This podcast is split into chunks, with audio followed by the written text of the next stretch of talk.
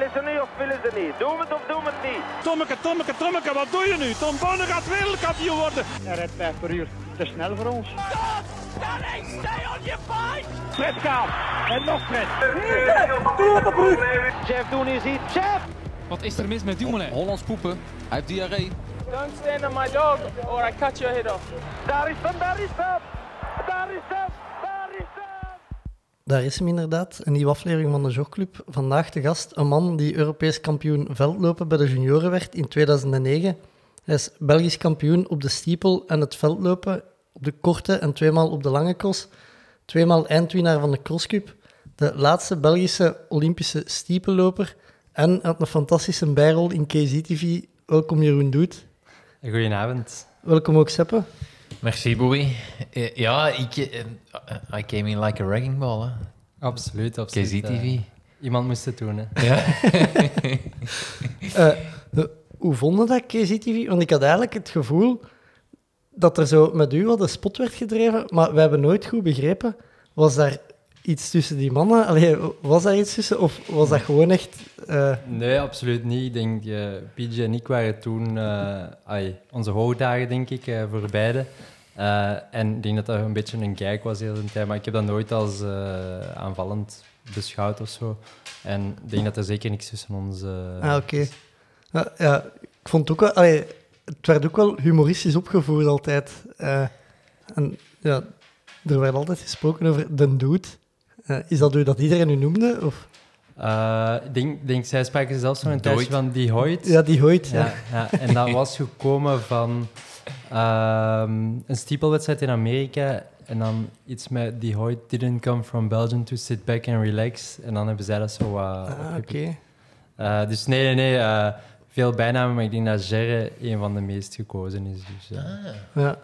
Eh, Jeroen, jij zei, eh, hoe moet ik het zeggen? Eh, lid van een drieling? Ja, absoluut, nog hoe- altijd. nog Hoe zeggen ze dat? Eh, Ja, in, Een derde. in, In, in het Lembeeks was dat de draling. En dat Ah, vonden we als kind verschrikkelijk. Eh, maar eh, nee, nee, ja, eh, van jongs af aan eigenlijk eh, zeer competitief. Eh, dus dus ja, super plezant eigenlijk qua spelen en zo. waar jij in welke volgorde? Ik ben de middelste. Ah ja, oké. Dus eh, al twee minuten verschil. Dus het is keizersneden. eh, en eh, ja, ik denk, mijn ouders zijn nog altijd moe. Dat, dat kan ik wel zeggen. ja, dat snap ik wel. Hè. Zo drie ineens. Ja, absoluut. Eh, mama was eh, ja, 23 toen ze zwanger was, 24 toen ze beviel. Dus eh, ja, beeld het u zien op uw 24ste. Eh, drie kleine jongens dan nog. En eh, zeer actief. Eh, en als het ruzie was, was het altijd twee tegen één. Hè. Dus Ja. dat is ook een speciale dynamiek. Dus het, het onderhandelen of zorgen dat je met twee bent, was daar wel heel belangrijk in. ja.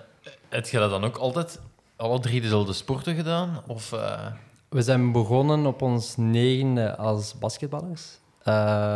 Dan een jaar later atletiek. en dan een jaar later tennis.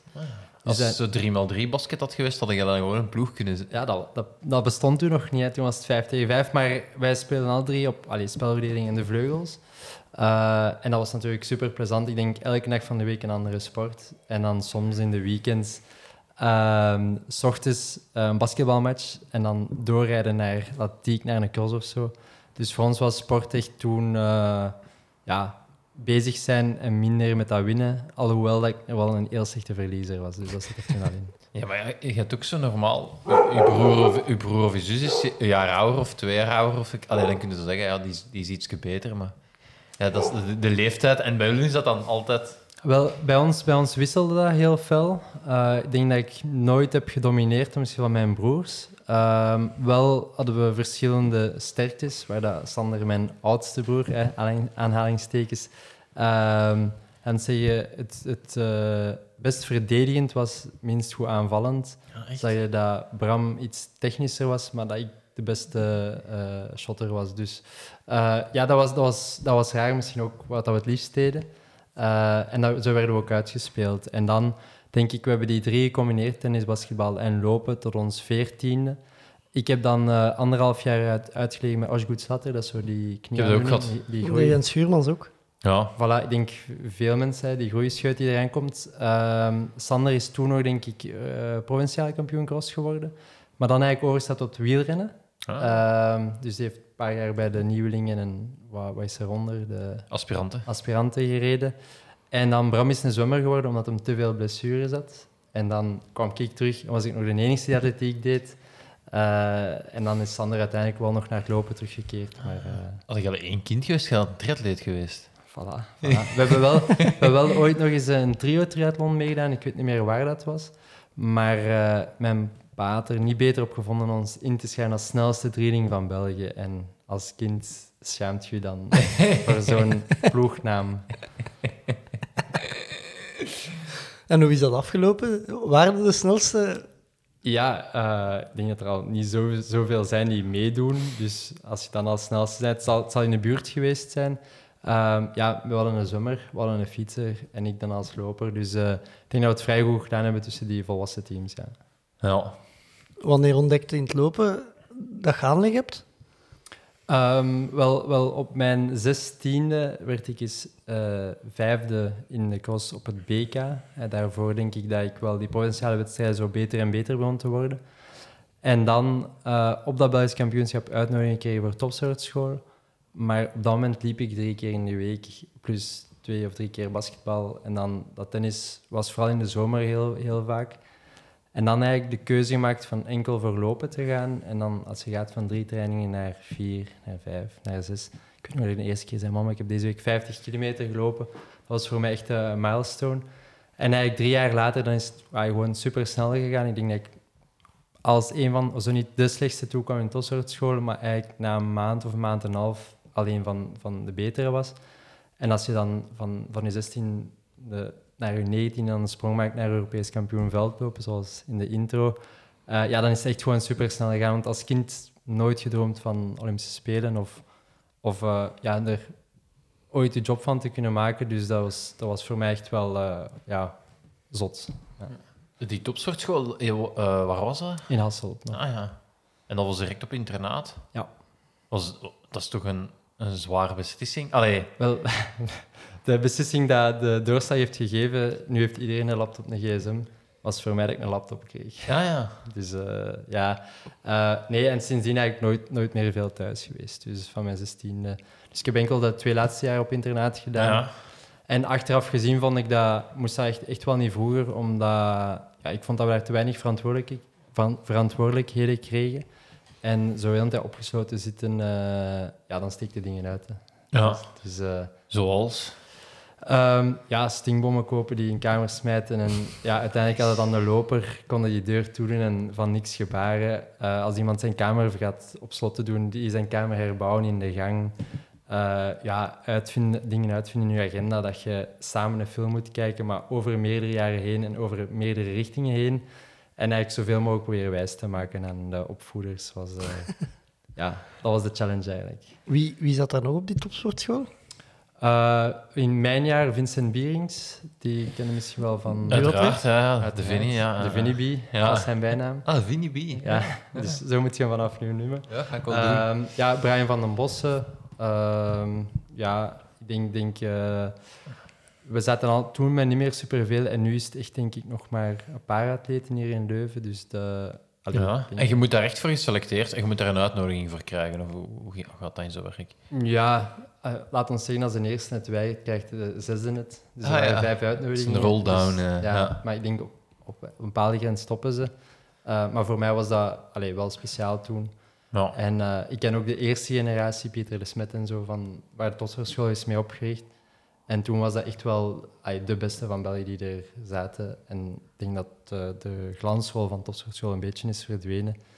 Ehm, ja, zeker in het lopen. ja. Ik wist eigenlijk zelfs niet dat het nog bestond. Allee, Ja, ik weet het eigenlijk op vandaag ook niet echt, dus eh, ik moet pas wat ik hier zeg. ja. Nee, ook geen idee eigenlijk. Ik denk dat er vorig jaar één of twee atleten er zaten, dus eh, dat de vraagopwerking wel in, in vraag kan gesteld worden. Is dat nog altijd in Hasselt of is dat... Nee, Leuven. Leuven die zijn al, al een jaar of zes naar Ah, Leuven. oké. In Hasselt hebben we nog golf, hè. Topsport. Topsportschool golf. Ja, echt waar. Die zaten daar ook toen bij ons. Eh, Thomas Pieters. Eh, misschien ook, ook ooit eens een goede gast hier. Ik heb die nooit al eens een bericht gestuurd, denk ik. Ja. Maar waarschijnlijk in zijn spam of zo op Ja, Instagram. ik heb wel eens gegolfd, maar dat was nog niet echt... eh, Ja, de container. Eh, nee, nee, maar ik, ik kan Thomas wel eens sturen als, eh, Ah, voilà. ja, eh, als hij het zou willen doen. Maar dan zullen we misschien uw inschrijvings- of prijzengeld wat moeten verhogen. ja. Oh, ik heb nog wel zo'n KOM'tje liggen. 0 maal 0 blijft een 0, hè. Of 0 maal 10 Ja. blijft 0. hè. Ja, dat is waar, Bobby. Ehm, ja, uw EK, is dat eerste... Allee, of uw EK dat je wint bij de junioren, is dat het eerste internationaal toernooi waar dat je naartoe bent geweest? Eh, nee, het, allereerste was eh, wereldkampioenschap voor scholen op de piste in Bordeaux. En eh, ja, dat was echt verschrikkelijk. Ik denk, eh, in het was een hittegolf, 35 graden. Ik had daar geen ervaring mee. Het eten was echt super slecht. Ja, we zaten daar een hele dag te cholen op, op de piste. En ja, ik denk zelfs dat ik gedubbeld ben op de 3000. Ik was... Allee, ik heb gewoon denk ik een half uur op de grond gelegen na die wedstrijd. Dus dat was een vrij harde conver eh, ja, eerste ervaring met het internationale toneel. Maar gelukkig, eh, twee weken of drie weken daarna, eh, de EOF. eh super fantastische ervaring, eigenlijk echt goed gedaan. Ik denk mm, vijfde of achtste in de finale van 1500. En bijvoorbeeld Andreas van Am was daar ook, Dieter van Streels, die toen beide de titel namen op, op steeple en op 3000 vlak. En toen was het ook een hittegolf. Ik denk dat toen eh 45 jaar was in het centrum van Belgrado. Eh, dus dat was, allee, ik denk dat ik wel veel heb geleerd uit dat, dat eerste, eerste ervaring. hè. En wat liep je eigenlijk... Hè, want je wordt geselecteerd op basis van je vijfde plaats op de cross voor de topsportschool. Maar wat liep je in de zomer van afstanden? Was dat toen al 3000? En, Nee, eh, vooral 1500. ah, ja. Maar ik denk dat ik, wow, nu, nu gaan we ver terug, ik denk 407 toen liep op de piste of 417, een van de twee. Allee, het jaar uh, ontglipt mij dat ik daar liep. Maar ik denk eerste jaar topsportschool dat ik dan 355 al liep, dus die sprong was dan ja. wel al daar. Ja. Is het ook al in de topsportschool dat ze stiepel hebben aangeraden? Of eh, hoe, hoe, gaat zoiets? Ehm, nee, topsportschool was eigenlijk echt fantastisch voor eh, stabiliteit, eh, krachttraining en techniektraining. Dus ehm, op de club in OES, waar ik ben opgegroeid, ehm, deden wij wat van alles, speerwerpen en zo. Maar eigenlijk, horden is daar heel weinig aan bod gekomen, Ah, tot mijn grote spijt. En eh, wat ik leuker vond in, in topsportschool was dat ja, veel drills waren. Ik had zeggen dat ik de voetoefeningen niet leuk vond, maar de stiepeloefeningen wel, of de hordeoefeningen. Want ja. ik denk dat dat iedereen wel ten bate kan komen. Eh, zoals je misschien ondertussen Ja, zelf, ja. zelf ook hebt gemerkt. En ehm, die stiepel is eigenlijk een beetje blijven hangen. Ehm, maar mijn eerste echt goede jaar op 1500 was ik eigenlijk voorbereid op stiepel, maar raakte ik eigenlijk blesseer- geblesseerd in Amerika. En ehm, ja, die basis zat gewoon zo goed dat ik wel kon oogsten op, op 1500 en 800 toen. Maar eh stiepel is altijd zo aan liefde gebleven, dus ik denk dat ik zo ook gewoon ben eh terugbeland bij stiepel. Ja. Ja, als je, als je belofte zet, loopt de- het record van, van Ivo van Damme, denk ik. Eh, eh, 37 jaar oud record. Loopt eh, van de tabellen. Ja. En je zit dan al eh, Europees kampioen bij de junioren cross. Ik denk dat je dat jaar ook stiepel, Belgisch kampioen stiepel wordt. Ja. Anne. Ja, dan allee, d- d- dan ligt de weg wel... Allee, dat, dat is wel adelbrieven. eh. Ja, op dat moment, eh, ja, ik, ik weet dat ik eh allee, lang heb moeten jagen achter die WK-limiet voor mijn eerste WK bij de senioren. ja. Maar dan kwam ook de discussie met mijn pa van, ja, ik had wel wat herexamens, ik had er vijf. Die zei, hij, zei, je gaat niet gaan. En ik zei, ik ga wel gaan. En hij zei, nee, nee, nee, zolang dat ik je studies betaal, ga je eerst je studies doen. En ik zei, als het zo zit, ben ik weg. En dan, mijn ma, we komen middelen, dus de Je familie... moeten zeggen, betaalt dan het profcontract. Ja, ja voilà. voilà. Maar, maar dat, dat is dan het gevaar hè, van, van eh, te denken van ja, eh, je- op dat moment staat het echt, echt goed voor, voor een mooie carrière. En dan heb ik uiteindelijk twee examens ervoor gedaan, ook beginnen leven op een dagritme van om vijf uur opstaan. Voor u is dat misschien normaal, maar voor mij is dat minder normaal. ja. En dan drie examens daarna, dus ik heb dan twee weken daar gezeten met de belofte dat ik daar ging studeren. Uiteindelijk is daar Niks van in huis uitgekomen. Maar ik was daar dan wel, allee, ik denk drie op de vijf door en dan een vierde heb ik gedelibereerd. Dus allee, de vrede thuis was bewaard en dan eigenlijk ook later dat jaar eh profatleet geworden, maar er wel 3,36, eh 07 voor moeten lopen. Ja. De 1500, ja. Ja, en dan zijn de... Hoe oud zijn dan? E- 21? Ja. Zijn de profatleet? ja, 22, want het is het Ja. jaar daarna. Ah ja, het is het jaar daarna, inderdaad. Ja, ja en dan, dan, moet het, eh, dan moet het allemaal eh, beginnen. Wel, dus dat is het jaar voor Londen. Ja. Eh, met die 336-07 zeiden in de huidige spelen of huidige selectiepolitiek altijd geplaatst. Maar toen moest je 334-00 lopen. En buitenskort stond op eh 334-17 toen. Ja. En ik denk zelfs in, in met Peking moesten dat twee maal lopen die een tijd. Dus ze hadden al verzwakt naar één maal. Maar dus bij ons zat eigenlijk het idee er dan in van ja, we gaan vol voor Londen. En dat is waarschijnlijk... Allee, toen was ik ook amper geblesseerd. Hè, wissel je seizoenen gewoon af. Maar hebben wij eigenlijk het risico genomen van te overwinteren of, of een maand in Kenia te zitten. Maar dat is mij eigenlijk super slecht bevallen op dat moment. Omdat ja, we wisten ook wel, we moeten dat risico nemen van 336 naar 334 doe je niet zomaar. En ja, de plaatsen om in januari op stage te gaan en goed te kunnen trainen ehm, zijn beperkt. En ik denk dat ik dat toen mijn wedstrijdgewicht ja, rond de 60 kilo was, maar ik ben daar op 57 of 56 kilo eh, teruggekomen. Gewoon, ja, de verwerking van dat eten beviel mij niet. En ik was ook veel minder bezig dan, dan in de jaren daarna met voeding, recuperatie, de juiste ah, proteïnen aan. Ja, het was niet bewust dat je echt scherp houdt staan. Nee, helemaal niet, helemaal niet. Ik heb er ook niet extreem hard getraind, maar je zit al op 2400 meter, dus met minder te doen doe je eigenlijk al bijna hetzelfde. Of gewoon te slapen, Ja. traint je al. Maar eh, ja, gewoon, de omstandigheden zijn daar gewoon super zwaar. En als je dan eh het eten nu misvalt en ja, je hebt veel... eh, Ja, ja. ja, Ja, je moet zo ver niet gaan. Ik heb ooit eens een stage gehad in de Vogé. Zo werd altijd zo van die specialiteiten waren. Ik ben toen echt ook echt vermagerd. Gewoon omdat je, ja. als je, als je voorschotel niet mocht dan. Ah, wel, ik, ik was daar eigenlijk met een clubgenoot, eh, Tim Luiks. En ja, die, die, liep, die liep goed 3,45. Maar die zei ik na die stage daar nooit meer in de buurt te komen. Terwijl hij ook een maand echt goed had getraind. Dus ik denk dat dat bij ons allebei een, echt een zwaar impact had gehad op, op ons leven, leven toen. Ja. En ik heb daar, eh, ja, ik kwam gewoon geen, allee, dat BK daarna was ik nog savant, maar daarna kwam ik gewoon geen poot meer vooruit. Mega frustrerend. En echt eigenlijk de eerste grote tegenslag in, in toen een, een carrière die alleen maar omhoog ging. Ja. Dus eh, ik denk dat ik toen vier of vijf maanden echt geen meter heb gelopen. Oh, mooi. Gewoon er bovenop te komen. En dan met de corrida, ik denk met twee of drie trainingen, is herbegonnen. Eh, en dan terug het plezier gevonden. Ik denk eens een, eh, een, een run-bike run meegedaan. Bij een maat hier in eh Nossegem. Ah ja. Eh, en dan, ja, dan wint je dat. En dan is er een journalist die belt. Ah, oh, nieuwe carrière. Dus op dat moment was dat gewoon voor mij plezier terugvinden. Ja. Ah, ja, mooi. Ja, stage, ik, ik moet altijd aan de Steven zijn stage Ik denken. ook. Eén keer dat, dat je zei, ah, dat was mijn maat. Ik dacht, dat zal toch niet, dat zal toch niet die stage geweest zijn, maar... eh, Ja, een zeer inspirerende stage, maar voor mij, achteraf gezien, had ik het niet gedaan. Gewoon te weinig controleerbare facetten. ja, want ik... eh, Allee, Maar waar, allee, er, er zijn er wel meerdere die slechte ervaringen hebben ermee, precies. Wa- Waarom blijft iedereen... Allee, er zijn toch ondertussen goede alternatieven al, of, of ben ik mis? Ja, ik denk dat de Rift Valley een beetje het mekka is van het afstandslopen. En oké, in die 13 dagen heb ik geen slecht weer gehad. Eh, en uiteindelijk zijn er, ja, is één verharde weg in de buurt, dus voor altijd onverhard te lopen is dat wel aangenaam.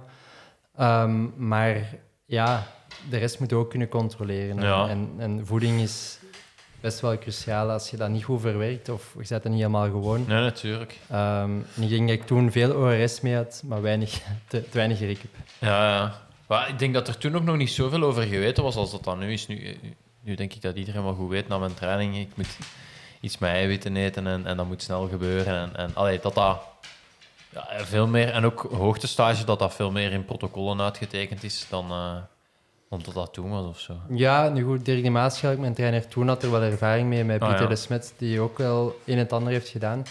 Maar het grote voordeel van Kenia blijft van ja, dezelfde tijdzone.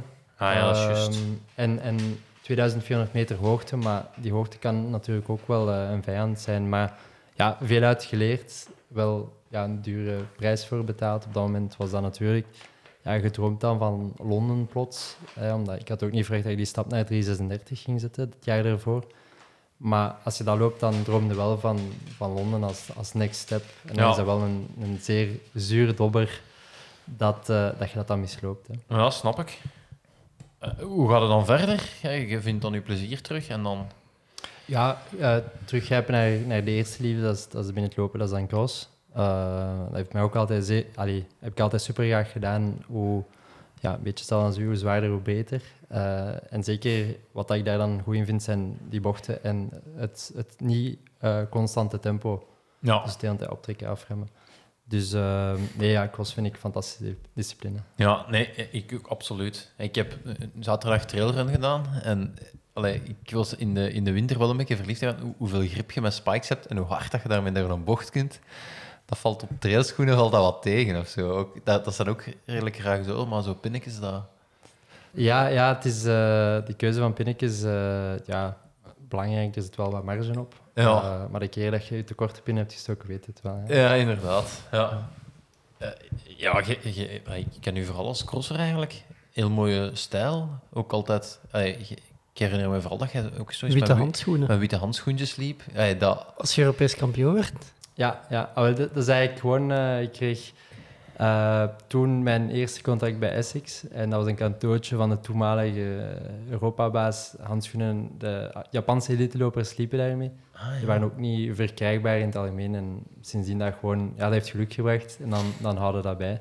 Dus eh, ja, altijd graag meegelopen met witte handschoenen. eh. ja? Ja, zoals, zoals de PG zijn een hoofdband heeft, dat ik dan met witte handschoenen. Ja, ik zou, dat, ik, zou, ik zou er... Bij mij zou het niet passen of zo. Eh, maar eh, ik vond Maar ik vind, wel chic. ik vind dat dat past bij een schone loopstijl, Ja, ja, witte handschoenen. Allee, dat is zo... Ja, en als je, voor, als je vooraan loopt, blijven ze proper. Hè? Ja, Ah, ja, ook al, ja. Ja, nee, ik herinner mij nog eh, het eh, WK in Brussel met Kenisa Bekele. Ja, Dat was de enige die niet vuil was. Gewoon die, die vloog over die modder. Die had wel geen witte handschoenen. ja. Maar al de rest... Vroeger was Brussel een zeer zwaar parcours. Sinds dat dat gedraineerd is, niet meer. Ehm allee, niet meer zo extreem modderig. Ja. Maar hij was echt de enige. En die won dan nog de korte cross een dag ervoor. En de lange de, allee, op twee dagen. Dus dat is echt fantastisch. eh. ja inderdaad. Eh, uw Euro- Europese titel bij de junioren, was dat verwacht? Allee, of met welk idee waren naar daar afgezakt? Ja, we wisten dat ik sowieso eh, top 5 waard was. En waarom wisten we dat? Ja, ik trainde samen met Pieter en, en mijn trainingen waren gewoon echt, echt super goed. En denk de een van de laatste trainingen op Dijlenpad was drie keer vijf kilometer. Eh, ja, ik denk wel niet dat dat de woensdag ervoor was, maar eerder de week ervoor. Maar dat was denk ik eh, ja, vijf keer, eh, eh, sorry, drie keer met een kilometer rust in vier minuten. En ik denk dat ik moest gaan van ehm 15.40 naar 15.30 naar 15.15. En ja, dat liep gewoon, ja, dat liep gewoon vanzelf. En je zit dan in zo'n een flow. En naar de buitenwereld, ik had dan ook al een paar lange crossen meegedaan ehm, in de crosscup. Eh, wat mij gewoon een keigroot voordeel gaf ten van die andere juniors die enkel op die 6 kilometer eh, wedstrijden. Dus ehm, ja, ik was ook niet traag. Dus dat was echt een voordeel dat we wisten. Maar we zaten met één supertalent, ehm eh, Sondre Norstad Moon, die nog altijd supergoed loopt. Ja. En ja, we wisten als hij een goede dag had, dan, dan ging er weinig aan te doen zijn. Maar eigenlijk denk ik gans de wedstrijd gewoon eh, comfortabel in die top 5 gelopen. En op het einde, tot mijn verbazing, ik was echt aan het wachten op die sprint, eh waren er twee hoekse bochten eh, van 90 graden en was ik plots 10 meter los, terwijl ik echt nog moest beginnen sprinten. En ik herinner me dan goed dat ik zo wat verstijfd was van, ja, wat gebeurt er nu? En dat ze eigenlijk nog echt wel finishen op, op één seconde. Eh, maar dat was, ja, dat was gewoon ja, een fantastisch gevoel. Eh, ja, dan, dan kunnen de wereld aan. En dat zijn denk ik ook de momenten die u door moeilijke momenten terug doorheen brengen. En, en ja, ik zeg het, die kampioenschappen, dat, dat was voor mij echt waarom dat ik sport heet of zoveel trainen. Ja. Ja. Dat snap ik. Heeft dat veel veranderd nadien? Zo, allee, als, als junior? Maar ik denk ook... Ik, ehm, ik weet dat het was op... Ze, ze hebben dat uitgezonden op sporten en zo. Hè, daar, Wel, toen, toen ervoor bestond dat eigenlijk niet, dat junioren of, of beloften op tv kwamen. En nu is dat al, al wat algemener. En ik weet nog dat Mark Willems toen zei van, ja, deze moeten we gewoon eh, publiek krijgen, omdat, denk, afstandslopen had ook een paar moeilijkere jaren achter de rug. Weinig resultaten. En eh, ja, ik denk dat, ik, eh, ik denk dat uh, Attelau toen eh, derde of brons was bij de beloften, als ik mij niet vergis. Ehm, dat we dat zo terug wat in gang hebben geduwd. En uiteraard, allee, Pieter of Tom hadden ook echt goede resultaten, maar als je dan zo nog eens op het podium kunt staan, ja, dat spreekt altijd eh, toch, toch wat meer tot de verbeelding. En sindsdien eh, hebben we bijna elk jaar denk ik, prijzen teruggehaald op, op die eh, Europese kampioenschappen. Hè. Dus die cross is echt wel terug, denk ik, met die remonten ingezet. En voor mijzelf, ja, ehm, Europees kampioen opent wel wat deuren. Dus dan dat contract met Essex, dat dan ja, ook om werd gezet in bonus en zo, was voor mij ja, een supermooie erkenning. Zeker eh, ja, plots gratis spullen krijgen en zo, dat, was, dat is speciaal. En, en nog altijd ben ik daar super dankbaar voor als er een doos toekomt. Beschouw dat nooit als eh, iets, iets volkomen normaal. En ja, verder, ja, Europees kampioen, dat, ja, dat opent deuren. Hè. Dus absoluut, eh, ik denk er met heel veel nostalgie aan. Ja. ja, en een titel blijft een titel. Hè. Allee, dat... Ja, dat nemen ze nooit meer af, inderdaad. Ja. inderdaad ja. Ja, die kunnen wij in onze intro zetten, hè. Eigenlijk. De titels. Dat is belangrijk, dat, dat trekt hè. Klik, clickbait.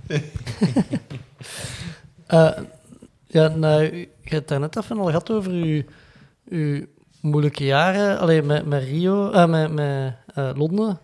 Hè, dat, ja, dat je erin in slaagt om je te kwalificeren. Een paar jaar later, in 2014, verlies je profcontract.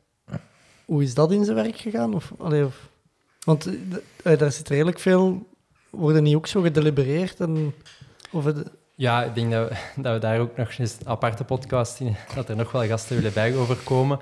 Ehm, maar het absurde van, van de situatie toen bij Atletiek Vlaanderen was dat ehm, bijvoorbeeld eh, een trainer van ah, een collega-atlete mijn deliberatie moest verdedigen, terwijl hij ook die van haar moest verdedigen. Dus daar zat al met, ja, vind ik, een conflict situatie. En het rare is ook dat ik toen eh, op 100ste van het brons finish bij een seniorenkampioenschap als, als jongste eh, in Belgrado weer al. Dus ik heb goede herinneringen aan Belgrado. Ehm, dat ze daar dan niet kunnen doorkijken als, ja, als potentieel of, of bevestiging, dat gaat er bij mij gewoon eh, niet in.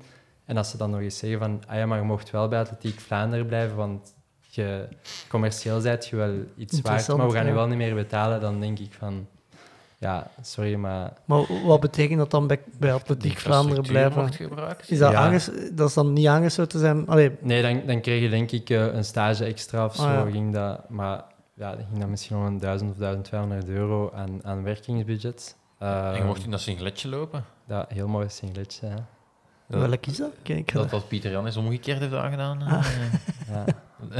Voilà. Nee, nee, dus, dus dat, was, dat was wel een zure. ehm, maar ja, dan, dan denk je van, ja, ik ga het tegendeel bewijzen. Ehm, ja, en heb ik ook de beslissing eh, lang over getwijfeld van naar CHBW te gaan, naar Wallonië. Adeps eigenlijk. Allee, wat dat iedereen kent als Adeps.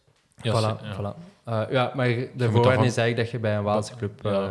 zit. En CHBW is ja, voor mij ook vlakbij waar mijn ouders toen woonden. Eh, en, en ik kende die club vrij goed. Ik ook wel wat crossen had gelopen. Ehm, maar dat was voor mij de methode om, om de carrière ook eh, verder te zetten. En het goede is dat daar... ehm, ja, ik denk de selectiepolitiek misschien minder streng is, maar dat zij gewoon ook meer kansen geven. En ehm, ja, dat is eigenlijk toen als eigenlijk eh ideale oplossing, ja. En, en hoe is dat dan? Zij pakken direct dat contract over van, of is dat, ga- gaat dat op een andere manier? Of zeggen zij direct, oh nee, wij pakken dat over en... eh, Eh, nee, dat is het jaar samen met Koen dat wij eigenlijk met twee zijn, zijn overgestapt. Eh, en na ons zijn er wat barrières eh, tussen gesmeten dat je een jaar zonder contract, of zelfs nu ondertussen twee jaar, dus dat je niet meer zomaar de switch kunt doen. Tenzij dat, bijvoorbeeld in het omgekeerde geval, dat de Borlees terug naar Vlaanderen komen dan, en de minister zit ertussen, dan, dan wordt er denk ik wel geluisterd. Maar eigenlijk nu is denk ik dat er een barrière tussen zit. En natuurlijk zijn er eh, gesprekken met de federatie. En ehm, ja, bij de federatie, bij de, bij de Waalse eh, of bij ADEPS, hebben ze gewoon vaste plaatsen elk jaar. En wie dat in hun rankingsysteem beste staat, krijgt een plaats. Ja. En in Vlaanderen is het eigenlijk omgekeerd, moet de top 8 mondiaal staan. Maar ik denk dat, allee, dat ik niks verkeerd zeg als, als lopen misschien wel een van de hardste is om daar eh, top 8 te staan. Kijk naar bijvoorbeeld Isaac die zijn contract verliest. ja. Ehm Bashir die zijn contract heeft verloren en die dan wel... eh en Koenaert, allee, ik, bedoel, ik denk dat er genoeg voorbeelden zijn. Maar de visie was toen van, van Atletiek Vlaanderen of, of van Sport Vlaanderen of het, het toenmalige Blozo. Blanken of eh Belgen kunnen geen, hebben geen toekomst in afstandslopen. Dat was dat was toen de, de visie. En ja, begin dan maar eens als, als atleet eh, Ja. daaraan en, en dat imago te, te wijzigen. hè. Eh, Hoe hard weegt dat op zo'n jonge gast als je, als je zo... eh, Ja, je weet dat je tijden moet lopen, je, die shit van samen zitten met die, de vergaderen, de lip... Allee, allee hoe, hoe hard... Ik denk, denk toen was ik super strijdvaardig. Ik zei, ja, niet met mij, ze. fuck, fuck hun en, Ja. en gewoon gaan. Maar onbewust, eh, waar dat vroeger dan, ja, het ultieme voorbeeld van sport was plezier, neemt dat wel af door, doorheen de jaren. En, en denk vooral in een goed jaar is het, eh, sport de beste job ter wereld. Maar in een slecht jaar is dat extreem hard, want er zit ook tijdsdruk op je blessure te genezen. En ja, soms moet je risico's nemen. En in een goed jaar valt je altijd aan, aan de goede kant van, van de lijn. En in een slecht jaar ja, valt er, heb de hele tijd tegenslagen. En dat, maakt het soms allee, gewoon super hard. En, en ik denk, ja, ik ben niet gespaard gebleven. Eh, ik, had, ik had er graag meer uitgehaald. Maar anderzijds ben ik ook wel trots dat ik ja, door ben blijven gaan. ehm, totdat ik nog bepaalde doelen heb kunnen afvinken. Ja. Ja, ja want je dan de Spelen. Je, je, je gaat dan naar, naar, naar de Waalse eh, kant en eh, ja, je, plaatst je voor, eh, voor Rio. Ja, dat was, dat was voor mij... Allee, dat klinkt nu wat cru, maar ik had op dat moment in mijn hoofd gestoken, ik denk ook in dat verwerkingsproces van, van Londen dan te missen. Als ik de Spelen niet haal, is mijn carrière eigenlijk niet geslaagd. Maar dat is natuurlijk wel een, een zware molensteen die om je hangt. Ja. Omdat, ja, dat staat zo centraal en ik denk ook... Ja, in lopen hebben wij nog niet echt te klagen van, van media-aandacht. Eh, ik denk dat dat in sommige andere sporten nog extremer is. Dat, ja, het waren ook de hoogdagen van de crosscup, denk ik. Eh, Als, als je hem twee keer hebt gewonnen, dat was Ja. nog alle manches op tv gewoon. Ja, Eh, live inderdaad. En, en dan nog eens tegen, allee, tot het einde strijden met Bashir. Ja. Ik denk vandaag, sorry Bashir. Geen Belgische titel en dat zat ik er net voor. Maar dat waren ook echt wel mijn, allee, ik denk echt wel qua dagen dat ik, dat ik gewoon de beste shape van mijn, van mijn leven was. Ja. Eh, En dan, eh, hoe komt die kwalificatie voor... eh, want dan veranderde naar de steeple. Voor u te plaatsen voor, voor Rio. Wanneer beslist je eigenlijk om over te stappen naar de stiepel? Wel, op die 1500 hadden we het dan geprobeerd om, om verdere stappen te zetten. En dus na dat moeilijk jaar gemist van Londen, dacht van ja, we proberen het nog eens. En dan, ik denk ik nog een paar keer onder die, onder die 338 heb gelopen. Maar ehm, ja, voor een of andere reden vielen die domino-stenen nooit, allee, of, die steentjes eh, stonden nooit in de juiste volgorde. En ehm, ja, inmiddels was ik ook genezen van die andere blessure, waardoor dat ik naar de 1500 ben gegaan. En dat was misschien ook een van mijn nadelen, dat ik, allee, dat ik wel wat keuze had om te kiezen tussen 5000 eh steeple of 1500. Maar we zijn eigenlijk voor die steeple gegaan omdat, omdat ik dat ook het leukste vond. Ehm, ja, ik doe graag veel sport, maar loop ik daarvoor 12 keer per week graag? Eh, het antwoord is bij mij is daar nee. En ik denk daarin verschillend ben van, van sommige andere collega's. En ik denk dat dat niet per se een nadeel moet zijn, maar ik heb altijd graag ook in de tussenseizoenen basketbal of, of gefietst. Of, of tennis gedaan, gewoon even om, om dat te breken. En eh, ook nog een kampioenschap doorgemist door met de fiets te vallen. Maar ehm, ja, nee, ik had dat echt nodig om, om eh, uitdaging te hebben. En ehm, die steeple was voor mij extreem uitdagend. Gewoon, eh, ik werd dan getraind door Paul Thijs op de steeple techniek. En William, eh, jullie gast over enkele afleveringen geleden, is ook een paar keer komen kijken om dat echt te fine-tunen. En ja, ik vond dat superleuk, die oefening. Ja. Ja. Eh, was ook te spreken over hun techniek. De, de, de eerste twee kilometer, de, de laatste kilometer is... is allee, en dat, dat klopt ook wel, denk ik, dat dat, dat, cruciaal is. Ehm, maar als de William complimenten geeft, dan denk ik dat dat wel oké zat. Eh, Wel, wel eigenlijk in het jaar van Rio leek alles terug in de juiste volgorde te staan. En, en denk ik ook dat ik hier op de Interclub solo eh, in slechte omstandigheden 758 liep. Dus dan dachten we van, oké, die shape zit goed. Maar eh, denk dan twee weken later loop ik een steeple en is het dan maar 840 of 835. Dus we hebben, eigenlijk, we hebben het eigenlijk nooit goed gekregen op die steeple. En zoals, zoals William zegt, is die laatste kilometer echt gewoon cruciaal om je tijd te maken of te breken. En Ehm, dat, is, dat is misschien een van de grootste spijten dat ik heb, dat we dat nooit echt voor mij eh, goed hebben gekregen op die stiepel. Omdat, hebt het misschien zelf gedaan, tot twee kilometer is een andere wedstrijd, maar die laatste kilometer is, is zo moeilijk om juist te krijgen. En vooral om ontspannen te blijven springen of, of te lopen, hè, zoals Ja. ze zeggen. Eh, en op training kon ik perfect tweebenig, maar voor een of andere reden op, op wedstrijd, als je moe wordt, om dan nog met je mindere been te springen, eh, is niet gemakkelijk. Eh, Ja, William die zei, eh, 10 meter voor de balk wist ik al met welk been ik ging springen. En ik dacht, ja, ik ook. Want dat was altijd zo uit de been uit moest alleen. Het kon wel zijn dat je wat moest strippelen of, eh, of wat moest voefelen, ja, dat verliezen. hè. Ja, ik denk, denk de beelden van Willem op eh De Memorial. Memorial van Damme, dat is, ja, dat is gewoon fantastisch. Hè? Ja. Eh, dus, dus inderdaad, ja, dat was eh, nooit echt goed gekregen. En ik ben blij dat Tim van de Velden eh nu 827 heeft gelopen. Ja, klopt. Ja. eh, vorige week. Dus dat is super goed om te zien dat daar eh, opvolging in is. Dus Ja. ik hoop dat hij die barrière naar 820 eh, gaat kunnen breken. ja. Maar je zegt, we hebben het nooit goed gekregen, maar je slaagt er wel in te kwalificeren voor Rio. Ja, maar tussen kwalificatie en finale is een groot verschil. En ehm, ik heb altijd geloofd met de kwaliteiten die ik had, dat ik, dat ik naar die 8.15 moest kunnen gaan. Die 18 is, is nog iets anders, denk ik. Maar loop, ik denk ook dat die 18 een van de sterkste Belgische zuivere records is. Eh, want we hebben er jammer nog een paar staan van, van Morit. Maar eh, met 18 loopte jij eners welke wedstrijd, Olympische Spelen, WK, eh loopte jij mee voor allee, top 5. Hè. Ja. Ik zeg niet, een podium te halen is nog iets anders. Maar sta je elk kampioenschap in die finale probleemloos. Hè? Ja. Met die, allee, als, als je die kwaliteiten hebt. Dus eh, ik denk dat dat een supersterk record is. En, en ja, ik, ik, ik heb echt niet om te spreken dat dat ooit een doel was. Want eh, ja, ik ben veel te ver daar uit de buurt Ja. gebleven. Maar ik denk zuiver kwalitatief. Eh, als we kijken dan naar de vlakke tijden, dan, dan wist je van William, zeker met de snelheid die ik dan nog iets meer had dan hem. Ja, ik zeg niet dat er ooit had ingezeten, maar dat, was, dat zou het ultieme geweest zijn, denk ik.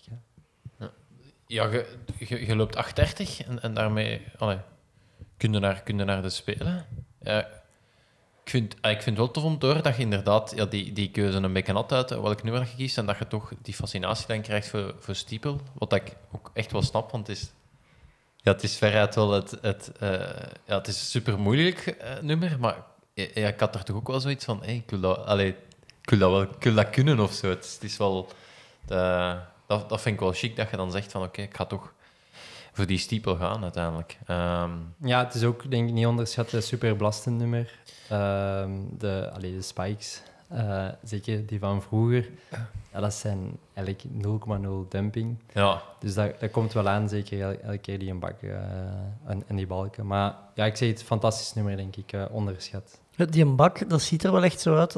De meest onnatuurlijke houding dat u een enkel kan aannemen, als je Is- neerkomt. is op de landing in de bak.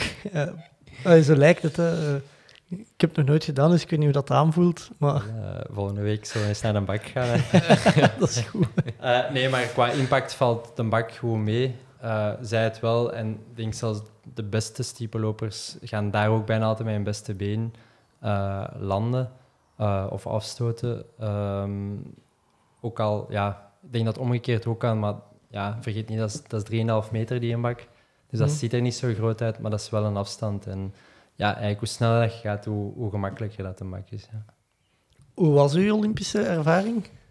Ik herinner me nog goed als ik even mag... Want eh, eh, ik heb dat gezien. Ik denk dat je, je, bent, je bent even alleen weggelopen, hè? In het begin. Ah, wel, ehm, de tactiek was eigenlijk... eh, dus, dus kwalificatie op de stiepel, je start eigenlijk rechtstreeks in de halve finale. Er zijn Ja. drie halve finales. Eh, wie maakt de kut? Eh, dat zijn de eerste drie van elke reeks. Dus dat is ja, super scherpe kut. En de drie snelste verliezende tijden. Dus dat betekent dat je, als je in de snelste reeks zit, dat de zes eerste ehm, doorgaan. Ja. Ehm, ik, ik moet zien dat ik het juist zeg, of zijn er 15 die gaan? Ik denk misschien zelfs de eerste vier per reeks. En dan de drie snelste verliezende tijden. Dus als jij in die snelste reeks kunt zitten. Dus onze tactiek was eigenlijk ehm zorgen dat we een goede vlakke snelle tijd, want ik denk dat ik de tweede reeks had, als ik mij niet vergis, ehm, te lopen en eigenlijk constant. Ja. En dan proberen nog zorgen dat je in de juiste posities kunt eindigen. Maar ja, de omstandigheden in Rio waren, ai, ondanks dat tien uur s ochtends was, echt wel zwaar. En eh, ja, dat, dat was dan niet gelukt, maar dat was wel onze strategie. Gewoon zorgen. En En als je laat lopen, des te beter. Maar ja, natuurlijk, eh, die wereldtoppers hebben natuurlijk wel wat jus, jus in de benen om, om dat toe te schieten. hè. Ja. Ja, er was een vraag van Bakke Brut eh, binnengekomen waarom dat je in Rio... eh, wacht, ik zal, ik zal hem citeren. Vertel eens het verhaal van Rio waar je één ronde lang op kop hebt gelopen. Eh, Dus- Ik denk bijna vijf ronden lang. Ah ja, Ja, dus dat was juist voor twee kilometer dat ik eh, op kop heb gelopen. Ja, nee. Dus dat was echt de tactiek ook met Paul, even de avond ervoor afgestemd en met Dirk. Van, eh, ja, gewoon, eh gaat er gewoon voor, loop die constante rondes. Probeer, eh, eh, wat was het, eh, 1-8 te lopen. En eh, probeer dat mee te schuiven. En als, als je het chance hebt, dan wachten ze lang genoeg.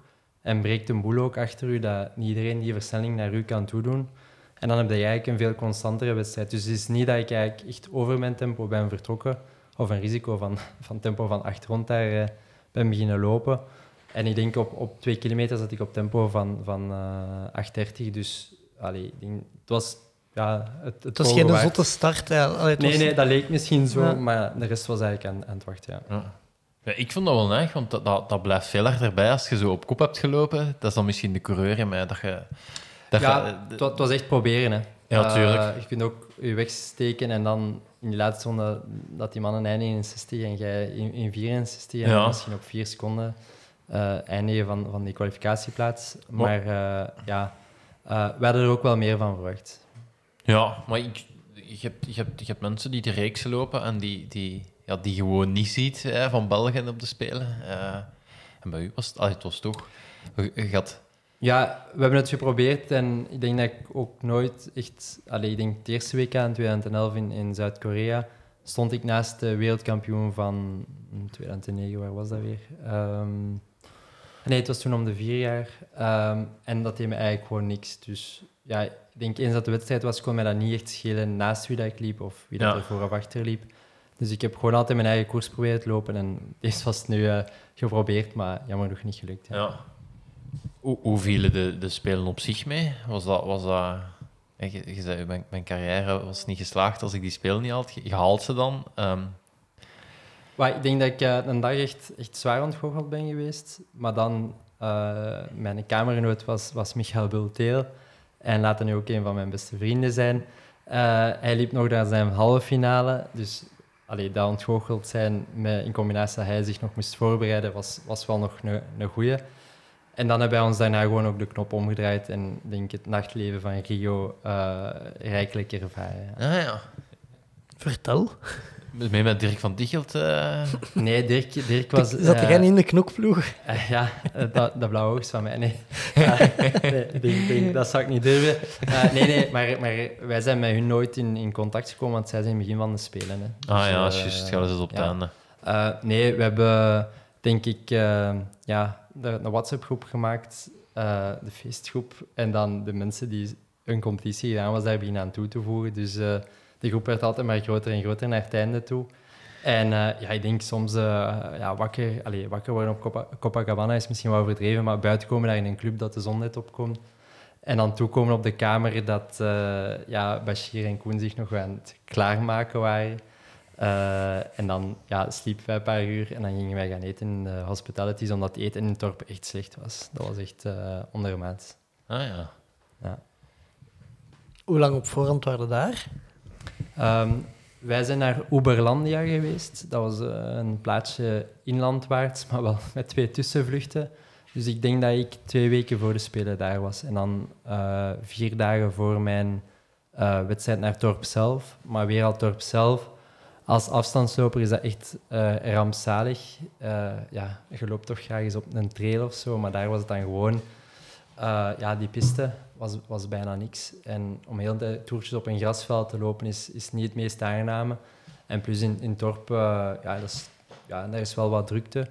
Eh, ik kan me daar vrij goed van afsluiten, maar ja, laat mij dan maar liever zo lang mogelijk op een, op een rustige plaats zitten, met betere faciliteiten. En dat was, allee, dat was wel goed geregeld, maar omdat die reis nog wel vrij pittig is en zeker uh, ja, accreditatie en zo regelen in dat dorp, ja, dat is, dat is bijna een, een, reis van een dag. Hè.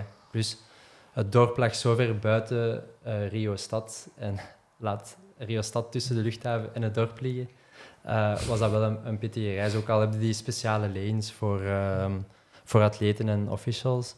Eh, dat is wel echt een zware reis. En, en ja, je hebt daar toch ook ja, een paar dagen nodig om gewoon eh 100% klaar voor te zijn. Eh, is je WhatsApp-groep nog actueel? Wordt, wordt er af en toe nog eens iets... Nee, nee. eh, ik denk dat, dat, dat, dat er velen nog in zitten, maar dat was, dat, wa- dat was fantastisch. Hè. Dat sturen eh, wie gaat er mee vanavond naar daar. En ik denk dat een van die clubs de Pink Elephant was of zo. Dus eh, ja, legendarische tijden. Ja. Ja. Ik zou daar gewoon nog eens in sturen, zo oude markt vanavond of zo.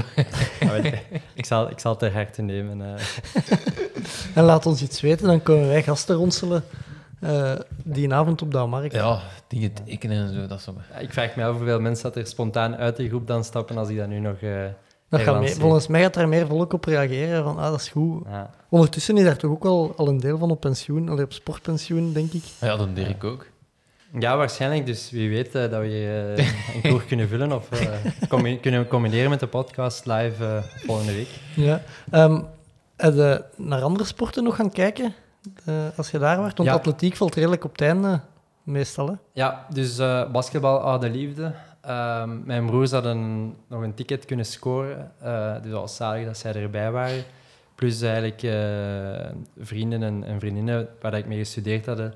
En die wisten niet dat te spelen waren, maar die stuurden zet je in Rio. Ik zeg, zijn jullie, zijn jullie in Rio? En dan zo, ja, wij, wij vertrekken morgen. En ik zeg, ja, ik zeg, overmorgen heb ik hier een wedstrijd.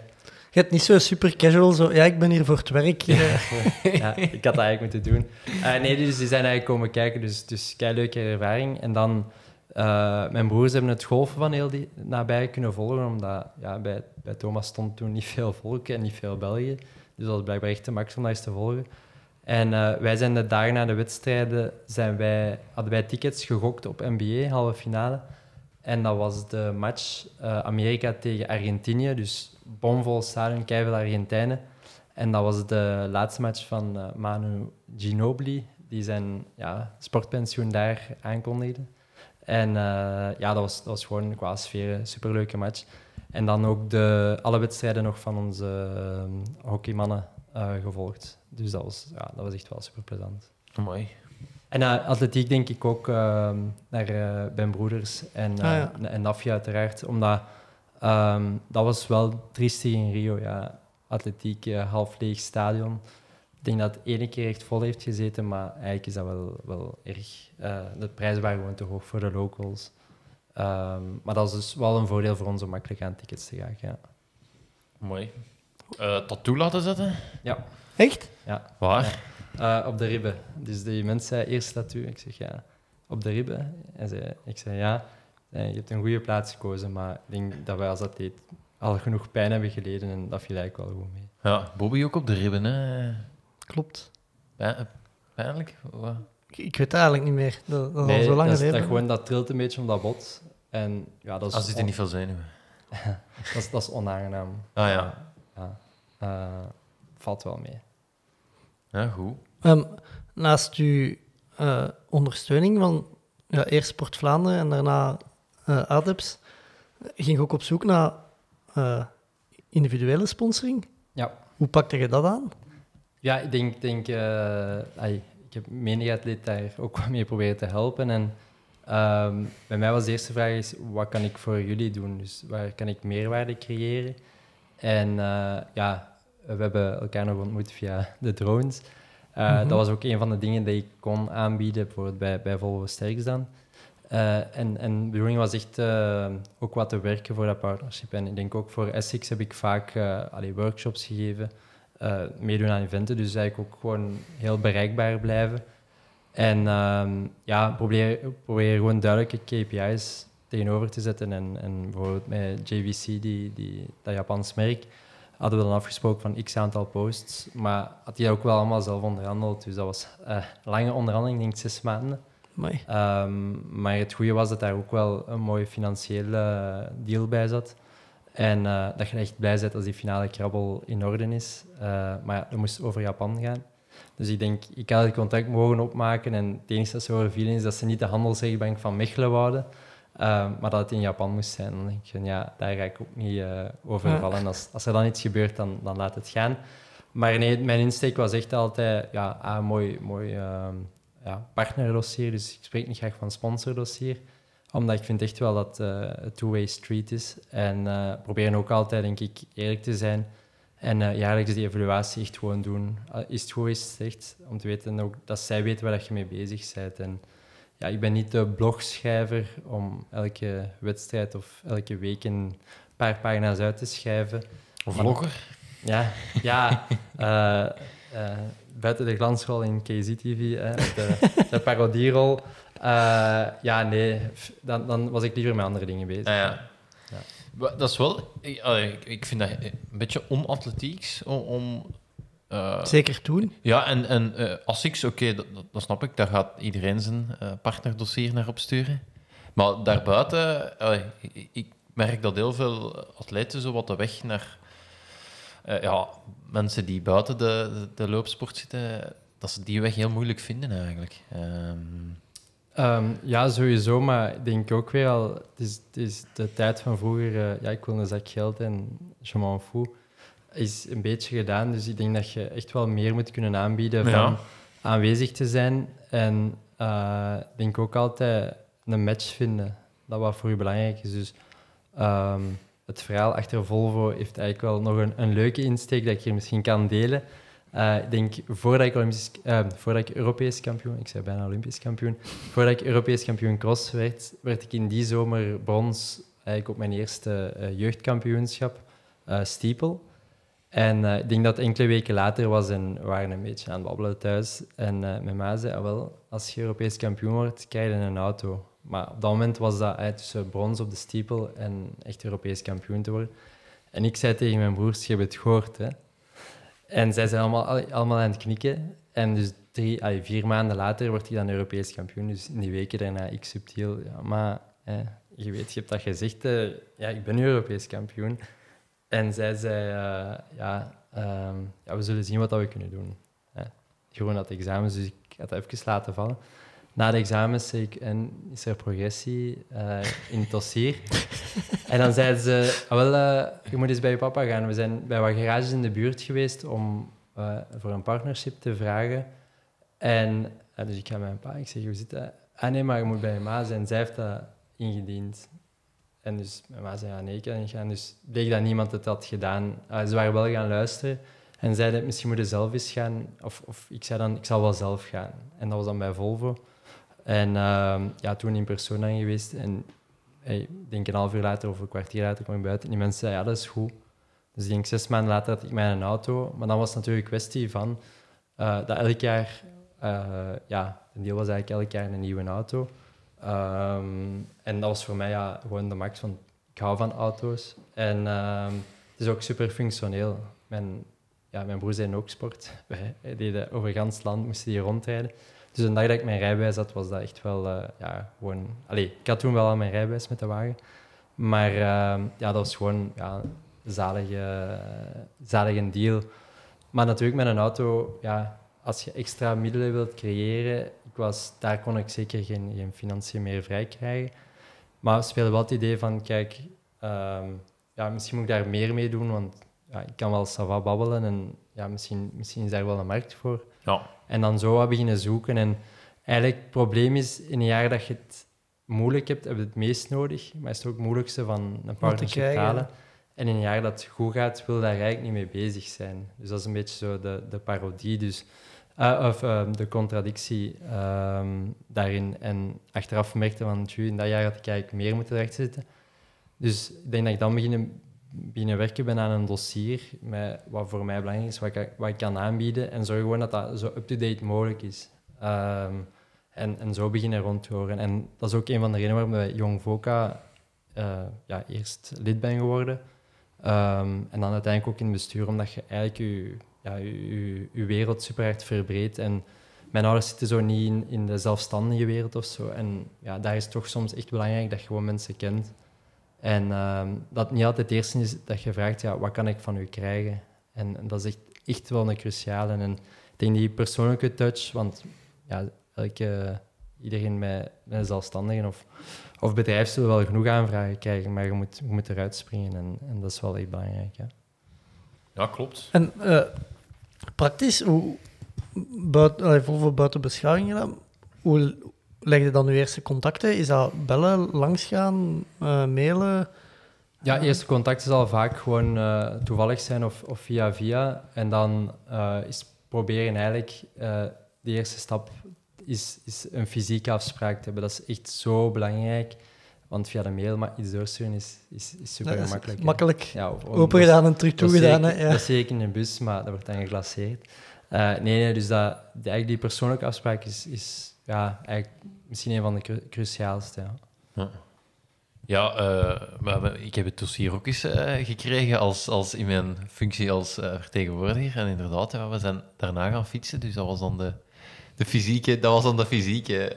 Onbewust. ja, ja, voilà. Nee. Nee, maar ook weer al, daar, daar vond ik dat een goede match in zat. Ehm, met de blessures. Ehm, ja, ja. ik heb genoeg uh, aquajogt. Geef mij dan maar ook iets waar ik energie uit haal. Ja, En dat fietsen vind ik gewoon de max. En als daar dan een, ja, een synergie kan ontstaan... ehm, en tot op vandaag eh, bevalt mij dat super. Dus, eh, goed, goed dat te horen. Ja. Eh, wat deden zo? Allee, je had al gezegd dat je probeerde om bij Essex eh, workshops te geven. Ehm, ja, dat uw droneverhaal bij Volvo Sterks en zo. Waren er nog zo dingen dat je deed voor, voor partners? Of? Ja, ik denk, denk vooral aanwezig zijn op events is belangrijk. Als dat voor de partner belangrijk is, moet je eigenlijk ook wel eh, de insteek hebben. Dat is voor mij ook belangrijk, om daar je gezicht te tonen. Dus eh, ik denk bij Sterks dat ik bij elke opening ben geweest van, van een nieuwe garage of, of overname. Ehm, dus dat partnership heeft uiteindelijk tien jaar geduurd. Ik denk tot eind vorig jaar. Ehm, dus dat is, dat is wel super waardevol. En hetzelfde met Essex.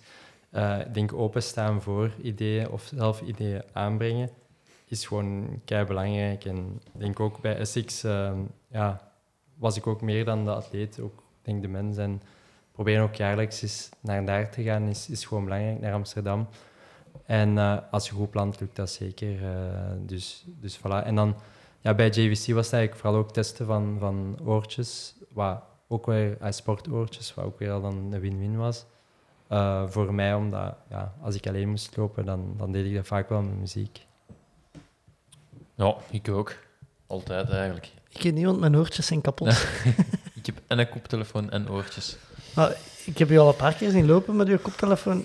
Ik snap niet dat je dat kunt en je zweet je toch ook helemaal ja, je zweet je kapot. Maar je zit wel je zit een beetje meer in de zone of zo. Uh, als je met een koptelefoon... Je, je, ja, ik... ik... Wat ook wel gevaarlijk is als je niks van je hoort. Maar ik vind dat wel...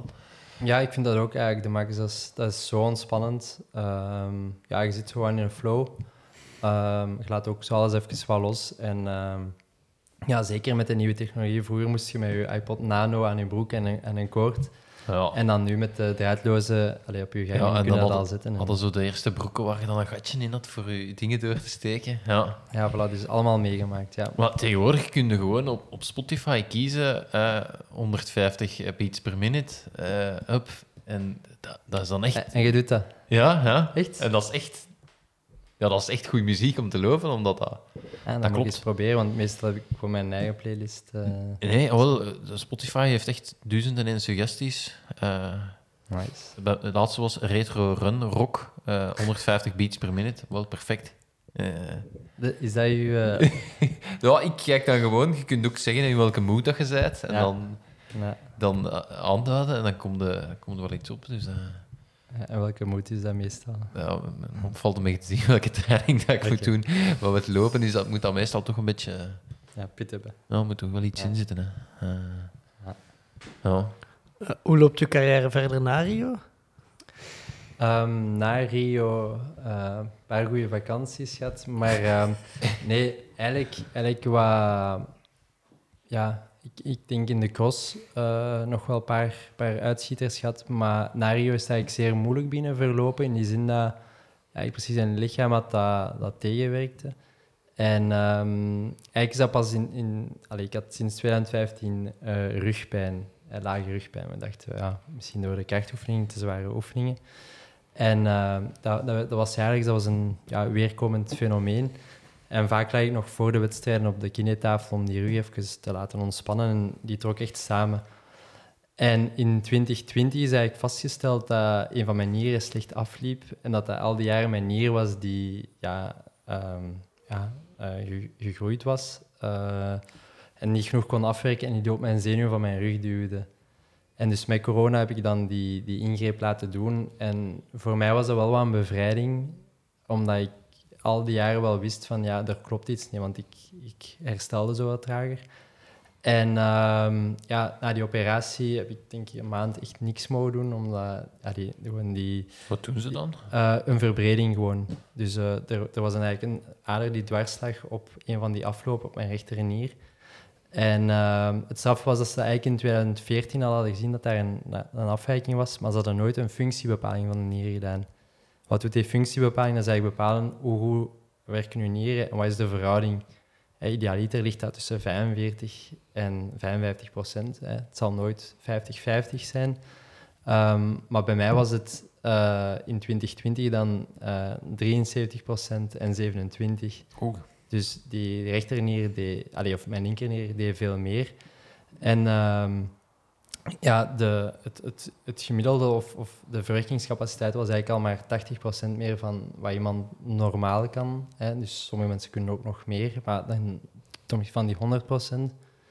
En ehm, ja, dat, dat was niet goed. Dus die arts zei van, ja, we gaan, we gaan een ingreep moeten doen, los van je sportcarrière, omdat hè, die nier gaat jaar na jaar afnemen. En op den duur ga je die eigenlijk verliezen. Dus voor mij was dat een no-brainer. En dus ik ging buiten. En dat is eigenlijk op een paar weken tijd echt super snel gegaan. En dan, dan belden ze van, ja, kunnen maandag binnenkomen. Dus toen, toen was ik inmiddels ook aan het werk als digital marketeer in, in Leuven.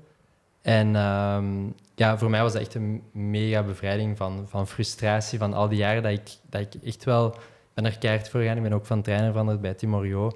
Maar eh, het kwam er gewoon niet meer uit. En tot mijn frustratie, want ja, eh, lopen moet ook nog plezant blijven. En als je dan de jaren ervoor wel hebt kunnen winnen en dan plots, of plots, dat is, dat is natuurlijk in een curve dat dat wat naar beneden ging, eh, lukt het niet meer, is dat gigantisch frustrerend en zoekt je naar oplossingen. En in 2020 dachten we dan, of dachten we dat we de oplossing hadden. Maar het probleem met een nier is dat natuurlijk, dat, dat is een orgaan. Een beschadiging, eh, ja, dat kan niet meer teruggenezen. Maar het goede is wel op vandaag dat die nier gewoon stabiel is, zodat hij niet meer afneemt. En dat ik ook geen rugpijn. Dus sinds die dag heb ik eh, nooit meer rugpijn gehad. Wat ook wel kei belangrijk is. En ik heb het dan nog één keer geprobeerd. En ik denk, ehm, vorig jaar dan zeven op de korte cross. Maar ik had daar niet genoeg plezier uit om, om dan zoveel te blijven investeren. Dat ik dan eigenlijk ook ehm, naar andere doelen ben beginnen kijken. Ja. Wanneer heb je beslist om eh, deeltijds, denk ik, in het begin te gaan werken? Eh, Ja, dus in 2018 eh, liep het contract dan af met, met Adeps. Logischerwijze, omdat dat er niet genoeg eh, resultaten waren. En ja, wij, als, in de atletiek kunnen we niet direct rentenieren. Dus ehm, had, ik eigenlijk, ehm, ja, had ik eigenlijk beginnen zoeken. En dankzij mijn netwerk bij Jong Voca, ik denk dat ik op een ehm, ontbijtclub was, hoorde ik iemand zeggen achter mij, ja, we zoeken een digital marketeer. Dus ik draai me om en ik zeg, ja, wat is de job? En hij zei van, ja, digital marketing voor KMO's en zo. eh interesseert u dat? Ik zeg, ja, interesseert. Hij zei, kun je dat? Ik zeg, ja, als ik niet kan, kan ik het wel leren. Hè. Dus hij zei van, ah wel ja, eh, dat is goed, dan gaan we een keer praten. En ik denk dan, eh, twee maanden of, of een maand later ben ik daar dan begonnen. En eigenlijk met hem ook altijd super duidelijk de afspraak met Steven, ehm, dat ik mijn sportcarrière ehm, mocht verder zetten. Eh, en ook op stages gaan, zolang dat ik internet had. Dus dat ik mijn job kon doen. En die drie vijfde, eh, ik denk, hoe is het dan, 23,4 uur. eh, als ik dat bleef doen en de klanten waren tevreden, ehm, ja, dan, dan... Dus eigenlijk echt met mijn gat in de boter gevallen. En dat was dan hier dan in de hoorn. Dus je had geen transporttijden dat je ver- verloor. Ehm, en dus super dankbaar voor die kans. Maar op een bepaald moment moet je dan wel de keuze gaan maken van ja, als dat sporten niet meer afneemt, en dat is wel plezant om zoveel tijd te hebben, om, om veel bezig te zijn, om, om eigenlijk een nieuwe stap te zetten. En dan, ik dat dat was dan eh voorbije zomer. Dat ik zei van ja, kunnen we samen zitten voor over mijn toekomst te babbelen. En dan bleek dat onze, allee, mijn ambities eh, anders lagen dan, dan die van bedrijven, dat daar ook in- binnen de structuren geen, geen plaats voor was. En dan kon, stond, had ik eigenlijk maar een opzicht gegeven, maar zonder iets nieuws te hebben. Dus eh, dat, dat was wel een, een gokje. En dan begint uh, uw, uh, ja, uw zes weken ehm, ja, beginnen dan te lopen. En ehm, het was dan eens, denk ik, ik was eens gaan mountainbiken met, met Jacob Mignon en eh, Tom van Assen, een vriend van hem. En bleek dat dat de head of sales van, van Polestar was. Dus zo komen we bij Polestar. En ik zeg, ja, zijn er... Allez, ik denk dat ik een week na die rit naar hem dan stuurde van, ja, zijn er geen mogelijkheden bij Polestar? Want allez, ik heb mijn carrière stopgezet. En ik ben op zoek naar iets nieuws. En hij zei, ja, ja, stuur mij over een maand. Maar ik dacht van, ja, over een maand ja. is in deze hier wel uh, werkloos. En uh, er was dan toevallig een testrit dat ik had gedaan. Dus ik stuurde hem de foto van uh, prospectie, knipoog. En dan stuurde hij, en dat was dus eigenlijk halfweg die maand, dan stuurde hij van, ja, ik kun over drie dagen eens komen solliciteren. En ja, dan was het eigenlijk uh, beklonken. Dus zo is de switch eigenlijk gebeurd naar, van digital marketeer of van atleet en digital marketing naar Polestar. En wat doe je juist nu bij Polestar? Wel, om de drie maanden al uh, een nieuwe functie gehad. Dus uh, ik ben begonnen als uh, space manager. Dus ik denk dat ik nooit in mijn leven nog een coolere titel ga hebben dan dat. Space man. Ja, ja voilà, de space ook. Mij altijd aangetrokken. Nee, een space bij ons is eigenlijk een show. Ah, ja. maar dat was super handig om ja, gewoon on the floor te staan. ook met, met mensen leren omgaan in, in die functie dan. leren aansturen. En dan gewoon het product van binnen en van buiten te kennen. En dan in januari kwam er uh, de mogelijkheid om internal fleet manager te worden en remarketing. Dus dat is eigenlijk elke wagen die voor Polestar België intern is gereserveerd, die van een boot in Zeebrugge komt totdat hem wordt verkocht op tweedehands, zijn jij verantwoordelijk voor. Dus als er een, een testevent is, een personeelslid heeft een wagen nodig, moest ik zorgen dat hij daar stond en ook alle problemen oplossen. En dan nu uh, heb je dan een interne transfer naar, uh, van operations naar sales gedaan. Dan ben ik eigenlijk KMO-verantwoordelijke. Dus alle KMO's hier in de, die, die luisteren, KMO-verantwoordelijke voor het grootste deel van Vlaanderen. Dus Antwerpen, um, Limburg, Brussel, Vlaams-Brabant en Waals-Brabant. Ja. Partnerdossiers, moeten die ook naar u gestuurd worden? absoluut. absoluut. Maar zijn, zijn je, begint, al... je begint met wat kan ik voor u doen? Ja. Ja, zijn er al uh, Belgische atleten die aanspraak maken of rijden in een Polestar? Um, hey, aanspraak zijn... maken moeten we misschien niet zeggen, want dat verzwakt je onderhandelingspositie. Ja. Um, Nafitiam ah, ja. rijdt, rijdt, momenteel met een Polestar rond. Dus uh, Tom ah, Pitcock heeft ook lang mee naar rond gereden. Um, dus ze zijn echt wel bezig met uh, atleten. Kienle, Sebastian Kienle ook, denk ik. Ja. Een Nafit Jammer had ook met een Orbea, maar dat mag niet geweten zijn, want we, hebben, niet, we hebben niet zoveel budget. Ja, maar hij, hij staat mooi op de wagens. Hè. Ja, ja, kijk. Uh, er was nog een vraag binnengekomen van uh, Philip Bellemans, die vroeg... Uh, Dirk de Maaschalk en Timorio, wat waren de verschillen in de trainingsaanpak? Want je hebt daar net even gezegd dat je op het einde nog overgestapt zijn naar Timorio. Um, ik denk de verschillen in de trainingsaanpak was dat, um, dat, dat Tim uh, verder onder de limiet bleef van, van uh, het lichamelijk kunnen per atleet. Dus dat, dat die safe zone veel groter was. Dus dat de consistentie bij hem super belangrijk. Allee, bij Dirk was dat ook belangrijk, maar laten we zeggen dat we bij Dirk eigenlijk echt wel meer op die, die grens zaten. En dat was voor mij een beetje het grootste verschil. En dan plus, uh, ja, bij Dirk train ik vaak alleen. Uh, de groep was kei klein. Bij Tim waren de groepen groter, maar bij Tim was het ook wel belangrijk dat iedereen zijn eigen uh, tempo deed. Dus dat, dat, was voor mij het grootste verschil. En plus, um, bij Tim um, denk ik ook dat het basistempo van herstelduurlopen gewoon al hoger lag. Dus er mochten geen junk miles in zitten. Ja. En bij, Tim, bij Dirk deden we ook niet, maar liepen wel nog eens 4,30, terwijl bij Tim ja, dat bijna nooit. Dus ik denk het basisniveau van, van trainingen lag iets hoger, maar dan maximum kilometers lag het wel een stuk lager. Voor mij dan. Ik denk misschien met Isaac of zo dat hij, dat hij wel verder gaat, maar uh, ja. Ik zou het voor het eerste kiezen.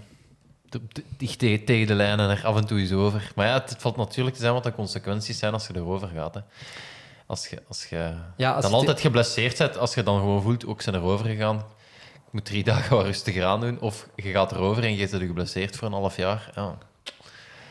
Ah, wel, maar dat, dat is dus het risico. En als je zelf bezig bent, beseft je dat niet. Nee, ja. Um, dan was het van, allee Dirk, nog, nog een trainingsje bij. En hij was daar ook wel streng in. Um, maar ik denk dat, allee, uh, ik, heb eh, acht of negen jaar met Dirk gewerkt. Dat was, was super plezant. En dan met Tim ken ik van bij de jeugd van, van bij OJS. We hebben nog samen gelopen. Dus die dynamiek was ook iets anders. Ehm, maar wel leerrijk. Allee, ik heb het dan geprobeerd en dan denk ik een half jaar ertussen nog bij een Amerikaans team. Maar dat was echt zot. Dat was eerst... Allee, dat was bijvoorbeeld eerst tempotrainingen en dan een kwartier of een half uur rust en dan eh steeple techniektraining op spikes op de piste. Dus die combinatie, dat was gewoon super zwaar. Dus daar heb ik ook de eerste spierscheur in mijn leven eh, opgelopen. Omdat dat gewoon, ja, dat was echt zot. Ja, wat is dat bij die Amerikanen gewoon? Iedereen dat dat dan wel aan kan, die komt er en Ja, zo dat de, is- dat de, is, eh, de shifting maken, omdat die toch Ja, zo'n grote vijver hebben om uit ja, te vissen. dat, is, dat is knoord hard. eh, ik denk, er zijn weinig universiteiten die daar echt structureel goed werken. Maar natuurlijk, de talenten die overblijven, kunnen qua lood wel superveel aan. Ja. Amai. Eh, Ik vroeg me nog af, eh, als je dan drie vijfde werkt hè, en je hebt een baas die echt heel goed meedenkt en zo, eh, wat, wat is, wat is het, het, interessantste, denk je? Zo- iemand vinden of echt nog zo vasthangen aan een contract waar altijd gedelibereerd wordt? Want mij, lijkt het dikwijls dat, dat iedereen altijd zijn, geld zet op zo'n, eh, het contract en de limiet lopen, maar dat je dikwijls gewoon een baas vindt dat, dat meegaat in je, in uw plannen en, en heel soepel is, dat dat voor veel minder stress zorgt. En... Ja, maar, maar weer al dat, dat is ook niet zo makkelijk om te vinden. Want nee, dat is waar. het, het moeilijke is, en zeker met een masterdiploma, verwachten ze niet van een jonge gast die komt solliciteren. En dat was bij veel bedrijven zo, ah ja, oei, geen fulltime. Dan kijken ze wel zo van, ja, ehm, als je hier komt, is het echt wel om hier carrière te maken. Dus die balans is moeilijker, maar ehm cru gesteld ben ik voorstander dat, eh, dat er profcontracten via de overheid zijn. Dat dat een functie is van de overheid? Nee, eigenlijk nee. Waar ik voorstander van ben en wat veel gezonder zou zijn, dat er een fiscale stimulans is voor bedrijven om atleten in dienst te nemen. Dat je eigenlijk ook als atleet kunt groeien en veel allee, dichter staat bij de realiteit. En, en gewoon al ervaringen kunt opdoen voor eh, het leven daarna. Want allee, we moeten realistisch zijn. Er zijn weinig sporters in België die, die kunnen renteneren naar, naar hun, hun sportcarrière.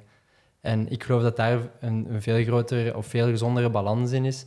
Eh, natuurlijk moet, daar, moet daarover nagedacht worden. Ik ben geen fiscalist en zo. Maar ik denk wel dat we een veel gezonder weefsel zouden krijgen van, van sport en eh, economie of, van, van bedrijven. En dat is ook een groot verschil, denk ik, met Amerika. Ehm, daar zijn natuurlijk profatleet bij, bij een merk, wat, wat bij ons bijna niet kan. Ehm, maar sport en economie zijn daar veel meer verweven. En op, op Wall Street staan wijze van spreken te vechten om, om een, een topsporter in hun bedrijf op te nemen, omdat meestal die mindset van, van door te gaan en te vechten ehm, ja, wel, wel erin zitten. Dus, dus daar ben ik echt een voorstander van, ja. Oh, ik ben bij mij, ja. Ik vind het een goed idee. Ja, en ik denk dat dat ook veel gezonder zou zijn, want ja, ehm, ik geloof ook niet echt in, in die juries. eh, en zeker niet als je jezelf niet kunt ehm, eh, vertegenwoordigen. En ik denk dat er wel wat kan verbeteren bij de federaties. Ja. Ik heb ook het gevoel, allee, maar ik ken er niet zoveel van, dat het fossiele gehalte in die juries redelijk groot is. Meest. Allee, dat die zo, zo ver van de realiteit afstaan of zo. Ja, maar ik denk ook wel dat je door atletiek, zijn die, die tijden zijn zo bepalend, dat dat, dat, dat, ja, dat, dat, dat ook heel gemakkelijk is om, om, om, om ja, dan te zeggen, je moet die tijden lopen, dat dat eigenlijk, dat je wel een, een van de weinige sporten is waar je echt een objectief criteria kunt opstellen. Maar ja, langs de andere kant een beetje menselijkheid. En ja, als je dan het... eh, we, hebben er genoeg podcasts aan gewijd, maar als je dan naar het fiasco gaat in de cross, waar, je dan mi- minder goed objectief iets kunt gaan waarnemen, ja, dan, dan loopt dat toch wel wat mis of zo. Ja, absoluut. absoluut maar ehm, allee, we gaan het daar niet te, te, breed over hebben nu. Maar wat gewoon niet klopt is dat atleten worden eigenlijk op jaarcontracten geëvalueerd. Maar de mensen die evaluatie doen, worden niet geëvalueerd. En dat is wat mij stoort. Bijvoorbeeld, ik heb ook nog een TK in Tilburg mislopen, waar ik zeker was dat ik top 15 ging lopen bij de seniors. Ehm, maar van die zes mensen die die beslissing nemen, ja, hun salaris wordt betaald. Er komt bij hun eigenlijk Daar hangt niks van af. Niks ja. vanaf.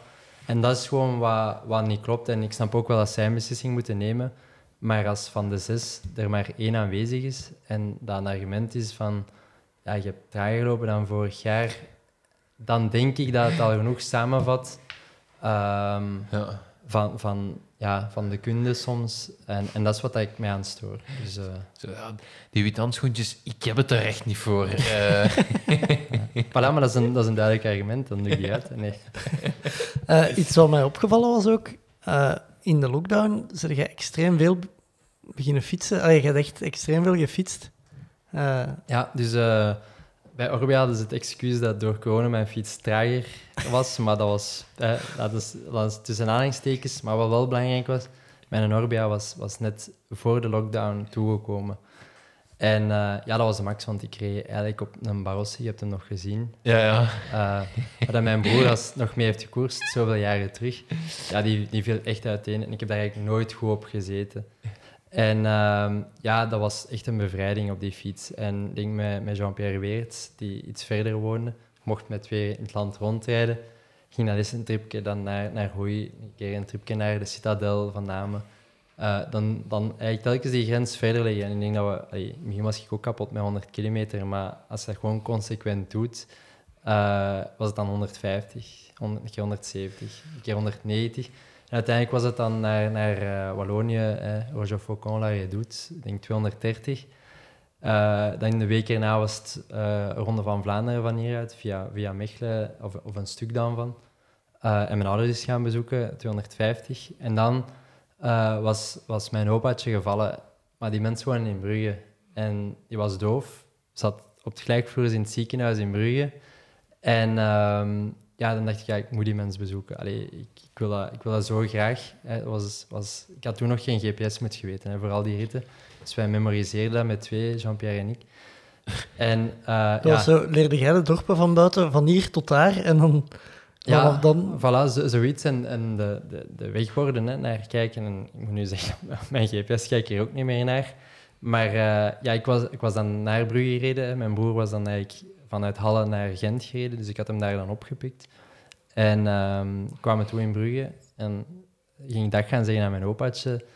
En hij was zo content en dat, dat vergeet ik nooit meer. Hij is, hij is jammer nog, denk ik, eh, vorige maand overleden. Maar de plezier in zijn gezicht. En hij zei, moet ook nog terug. En dan deed ik zo en dan zei hij, ja, jij zegt een zot. Maar dat gaf zoveel energie. En dan ook nog even bij oma langs. En eigenlijk gewoon de familie zien was voor mij ja, gewoon een zalige dag. En ik weet dat, dat de Sander echt in mijn wiel heeft zitten sterven. Maar ik had die een dag ja, onputtelijke energie. En ehm, dan had ik hem thuis afgezet in Halle, met mijn pa gaan bezoeken. En mijn pa zei, moet ik u nu even trekken naar Leuven?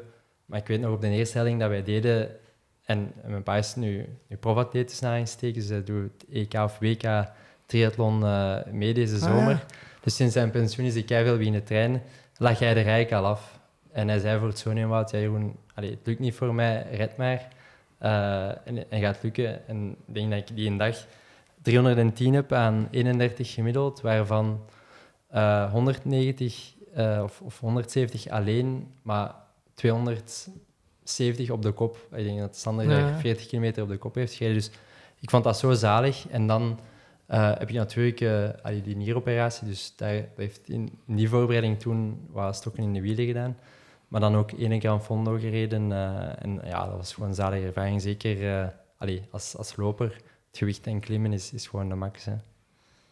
Staan er nog eh, fietsavonturen of gaan fondos op de planning? Wel, ik heb, ik heb altijd met Sander gezegd, als ik stop met lopen, eh, doen wij de Cape Epic of een of andere tour. Eh, maar dan moet ik nog eens met Orbea gaan praten voor een fully. dus over aan uh, Seppe. Oké, ja. Ja, de, Nu moet de jij vragen, een auto. Ik Wat, vind dat wel- wat, kun jij voor ons? Eh, ja. Eh, ja, Twee fullies voor een elektrische auto. ja, eh, Dat, dat lijkt me een goede deal. Dat lijkt me niet meer als normaal. Eh, nee, nee, dus ehm, ja, nu met, met werk is, is het zo druk dat... Allee, ik, heb, ik heb twee weken geleden de, een etappe van een BMC meegereden. Maar dat was echt verschrikkelijk. onvoorbereid. Ja, dat was echt verschrikkelijk. Ik denk, denk nog maar 1500 kilometer dit jaar. Eh, dus ik probeer me daar wel wat in herpakken. eh, af en toe eens naar het werk te rijden.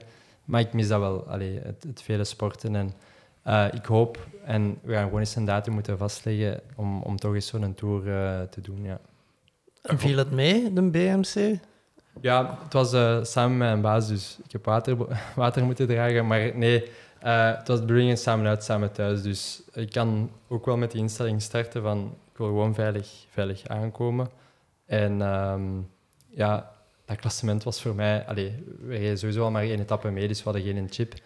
Ehm, dus het was ook gewoon op het gemak stoppen aan, aan elke bevoorrading. En eerlijk, het was zwaar genoeg gewoon aankomen. En ook wel onderschat van allee, de techniciteit van zo'n BMC. Zeker dat stuk rond Hoefalize. Ja. Oh, Eh, dat. Ja, ik heb niet elke afdaling gedaan. eh allee, afgereden, ik zal het zo zeggen. Dat snap ik. Eh, ik zag ook eh, dat er een Poolster op kop reed. Ja, ja dus dat, wij waren eigenlijk daar op uitnodiging van de wedstrijd. Eh, omdat wij, allee, Ecopact is denk ik allee, het eerste biologische of ecologische fietswasproduct. En met de BMC proberen ze eigenlijk een zero waste wedstrijd te hebben. Ehm, en Polestar past daar natuurlijk goed in dat plaatje. Dus ehm, ja, als, als Polestar zijn, dan probeer je dan ook fysiek aanwezig te zijn. En ja, als je dan een ticket krijgt om, om mee te doen. Eh, maar ik wist dat maar een maand op voorhand, dus dan was het voor mij echt wel vijf voor twaalf om toch nog wat... Paniektrainingen. Ja, absoluut. Toch nog wat kilometertjes in de benen te krijgen. ja. Ik dacht vooral als ik die foto zag, en ik had een foto zien passeren van u, en dan met die Polestar daarvoor, dat gaat problemen geven op de eerste singletrack. Eh, Je zou verbaasd zijn. Ik vind Cape Epic wel een mooie bucketlist. eh.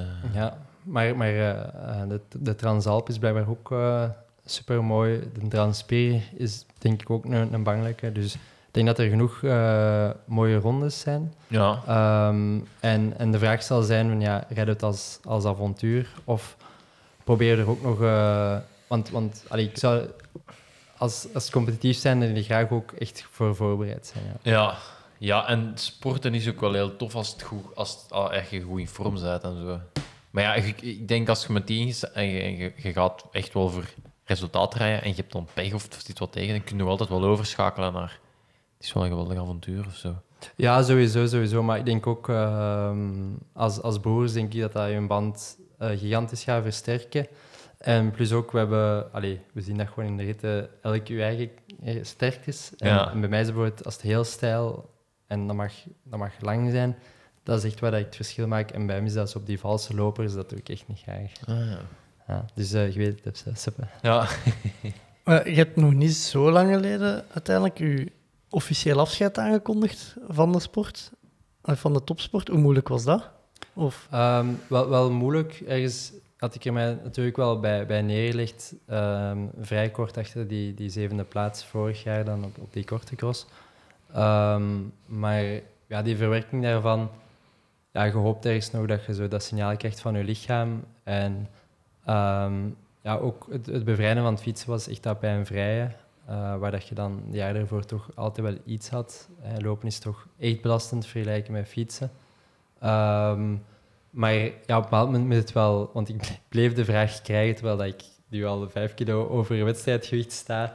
Ehm dat moest het eigenlijk gewoon eens aankondigen. En dat was, dat was gewoon eigenlijk dan een officiële streep. En ik moet zeggen, het kriebelde wel nog met EK in Brussel volgend jaar, maar eh, het zit er gewoon niet meer in. Allee, het is, het is, ah, ik heb de keuze gemaakt voor, voor een andere carrière. Dus. ja, en het, maar het is vooral zo precies, als je het uitspreekt, is het echt. Allee, dan... Ja, ik, ik, allee, eh, Want- mijn vriendin gaat gaat zeggen, ik, ik heb het er echt niet makkelijk mee gehad. Omdat, ja, ik had altijd wel gehoopt om, om ook nog langer bezig te zijn. En, en Parijs of, of misschien zelfs nog LA mee te maken. Maar op een moment moet je gewoon kiezen. En, en ja, ik kijk wel tevreden terug op die carrière. Al denk ik, geloof ik rotsvast dat er meer had in gezeten. Maar eh, moet soms eens wat meer meevallen. En, ehm, het, het, ik denk dat er drie parameters zijn. Je gezondheid, Ehm, ja, het plezier, en die hangen heel veel samen. Maar dan ook het, de derde parameter is het financiële. En als je al de keuze maakt van dan die drie vijfde te doen en ja, ik zou mijn seizoenen van vroeger lopen, dan, dan zou je financieel er, er goed voor staan. Maar als je dan ook geen resultaten behaalt en je werkt een drie vijfde, ehm, ja, het leven is gewoon duur en ik zou ook graag eh, een huis afbetalen en zo op termijn. Dus eh, ja, dat is, dat is gewoon denk ik een, een realistische keuze die je ook wat inhaalt met, met ouder te worden. Hè. Ja. Ik verschoot er wel van hoeveel dat nog werd opgepikt. Omdat, hey, we hebben zowel wat... Ik ken veel mannen die met u gaan fietsen, dus ik had wel al vernomen van, de Jeroen, hij gaat dat aankondigen. Dat werd al lang gezegd. Dus ik dacht, ah ja, allee, eigenlijk dacht ik, iedereen weet het al, het is gewoon nog niet uitgesproken geweest. En toch, ah, ik, ik hoorde het in de tribune als het erover. Uh, heb je er zelf veel reactie op gehad? Ehm, ja, eigenlijk, eigenlijk super veel reactie. Ik had het eigenlijk ook niet verwacht. Maar uh, dat toont wel aan, denk ik, dat, um, dat ik met veel mensen heb gebabbeld.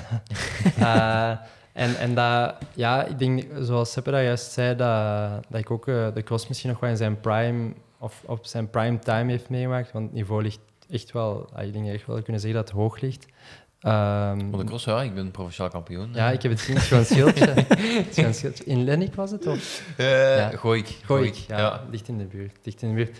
Nee, nee, nee, uh, de schildje is bangelijk, hè. Ja. Uh, nee, nee, dat... dat, dat allee, ik ga dat niet flauwer doen, dat steelt toch een beetje uw ego. Um, maar ik denk dat het gewoon belangrijk was om, om ook nog iedereen eens in de bloemetjes te zetten die, die mij van A tot Z heeft gesteund. Uh, die partners nog eens te vermelden en dan gewoon ja, um, die beelden nog eens een beetje terugkijken. Dat is wel uh, leuk. Ja. hebben ze u dit jaar nog gevraagd voor een interclub stiebel te lopen? Nee, ze hebben het niet meer gedurfd. Dus daar, daar had ik het wel officieel gezegd bij de inschrijving. Denk ik in december zeiden van ja, Jeroen, moet u nog inschrijven? Ik zeg, uh, het moet niet meer. Ja. ja. ja. Uh, Jensi vraagt, nooit getwijfeld om trail slash ultras op te zoeken na het perfectionisme van de piste te verlaten? Um, zeer goede vraag. Nee, eigenlijk niet. Ik, ik heb eigenlijk direct binnen kijken naar dat fietsen. En, en vooral dan dat mountainbiken en dat, dat, dat wegfietsen is een stuk later erbij gekomen. Um, ja, denk, denk ik, was, ik had gewoon echt nood aan iets anders. Dus uh, ja, ik vind dat de max uh, om, ja. om, dat te ontdekken. Ja. Nu, trailrennen, ik heb zaterdag BK gelopen. We, we waren ja, met een groep of, of van zeven, acht zo wat weggelopen. En er lag, er lag een boom over de dingen. En er riep al direct echt iemand dacht van, hey, ze hebben een stiepelbalk. Uh, ik, ik denk, als je een goede stiepelloper is, dat je het wel ook kunt. Want ik ben, ik ben wel enorm verschoten van hoe, hoe hard die mannen naar beneden kunnen lopen. En vooral wat een techniek... Allee, dat is echt ook... Dat zijn die, die voetoefeningsjes en die stiepeloefeningen die, die jij waarschijnlijk ja, ik veel heb, meer gedaan hebt dan mij. Ik heb, ik heb het gehoord dat, dat bij Graf dat dat blijkbaar ongelooflijk hard gaat. En um, ja, misschien had ik er wel goed in geweest. Um, zeker ook omdat ik denk dat ik wel oefeningen rap op ik. En uh, ja, uh, nu is het te laat. Ja.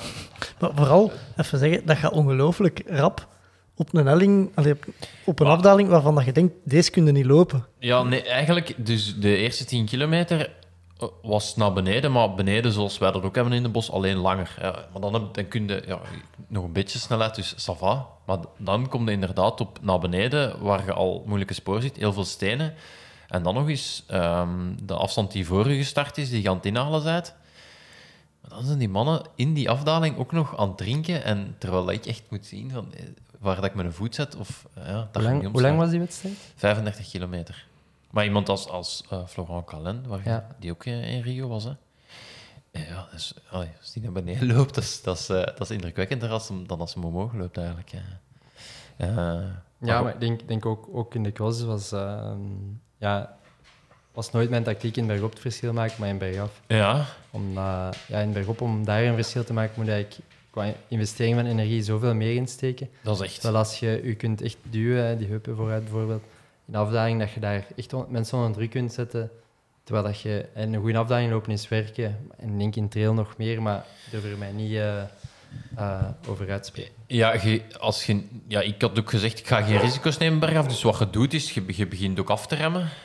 Waardoor je, waardoor je eigenlijk ja, nog meer gaat verzuren in je, in je, in je bovenbenen. Waardoor, ja. je nog, waardoor je uiteindelijk je nog moeilijker maakt. Terwijl als je kunt ontspannen, naar beneden lopen. Ja. Maar het is ongelooflijk hoeveel je kunt verliezen in afdaling. Ja. Al, al, lopend. Ja, ja, ik kan het me inbeelden, maar, maar dus uh, geen, geen, geen, trail. Geen trail ja. um, Dave Frans, u wel gekend? Die, Absoluut. Die heeft ook een vraag ingestuurd. Wie weet leidt het naar een geniaal verhaal. Misschien ook niet, maar hij vraagt waarom is Thomas Matthijs een grote voorbeeld? Um, ja, we waren afgelopen weekend op, uh, uh, twee weekends terug op een trouw in, Bordeaux met, met de atletiekgroep. Uh, waaronder Mario van Waaienbergen, Pieter de Smet, Bert Geen, Thomas Matthijs en, en, en Dave uiteraard. En daar is vaak wel wat, wat grootspraak. en Thomas Matthijs, zijn besttijd op, op 800 is onder de 1,46. En eh laten we zeggen dat hij wat overtollige kilo's heeft eh, ja, me- meesleurt nu. En eh, ze waren een beetje aan het ja, opboksen over een comeback. En, Ja, zo moet dat. ja, en, en er is, laten we zeggen, een zeer mooi bedrag gezet als Thomas Matthijs volgend jaar in 54,80 loopt. Ehm, dus, dus hij beweert dat hij dat kan na drie maanden, maar hij heeft dan wat afgezwakt. gegeven, ja. Hij heeft al wat afgezwakt na, naar een jaar. Dus eh, nu proberen we hem onder druk te zetten eh, als hem dat gaat lukken of niet. Maar ik, allee, ik zet mijn geld dat het niet lukt. Eh, en is er al een plaats en een tijd bepaald? Wij denk- zouden ook graag aanwezig zijn. Ik denk dat er nog wat meer druk moet gezet worden, maar hij heeft toch de dag nadat we terug waren van de trouw zijn eerste looptraining in ik weet niet hoeveel jaar gedaan. Dus ik, hoop, ik hoop dat de challenge in leven blijft. Ja. Oké, dus Thomas Matthijs onder de, was het, 1,56? 1,54. 1,54. 80. Ja. Vooral die honderdste dat er zijn bij. Ja, want hij zei 1,55, maar dan wouden ze het nog wat specialer maken. Dus eh, ja. We hebben over het laatst op een spuienavond eh, met Wart van de Kapelle wordt vernoemd in het eh, boek van Wim Laga, dat hij ons had toegestuurd. Eh, ook zo tussen pot en pint eh, beweerde Wart dat hem nog onder een minuut kon lopen. Het is begonnen met... Wacht, het was begonnen met... Maar wacht is toch snel. Super explosief. De- Ik ken niemand, allee, maar ja, mijn kring is ook beperkt, maar die, waarmee, dat ik ooit ben gaan lopen, Ja. die zo rap een 400 loopt. Eh, en het was eerst, eh, het, was, het ging eerst over, we waren begonnen een kilometer onder de drie of zo, dat hij moest lopen in zijn jeansbroek op zijn gewone schoenen, wel te verstaan. En uiteindelijk is dat eh, gegaan naar een 400 onder de minuut. En dan In jeansbroek. ook in jeansbroek hebben we de pinten aan de kant gezet en zijn we naar de piste gewandeld. Eh, en hij liep 1-0-1 of zo, als ik me niet vergis. Oh. Maar en hij zal wel hard genoeg geopend hebben. Dus, eh, die laatste, ik heb dat ook gefilmd, eh, Ah. dus daar is een video van. Max. Wel, maar, maar beeld eens in dan dat twee rondes na één te doen, Ja. in, in 55 te lopen. Ja.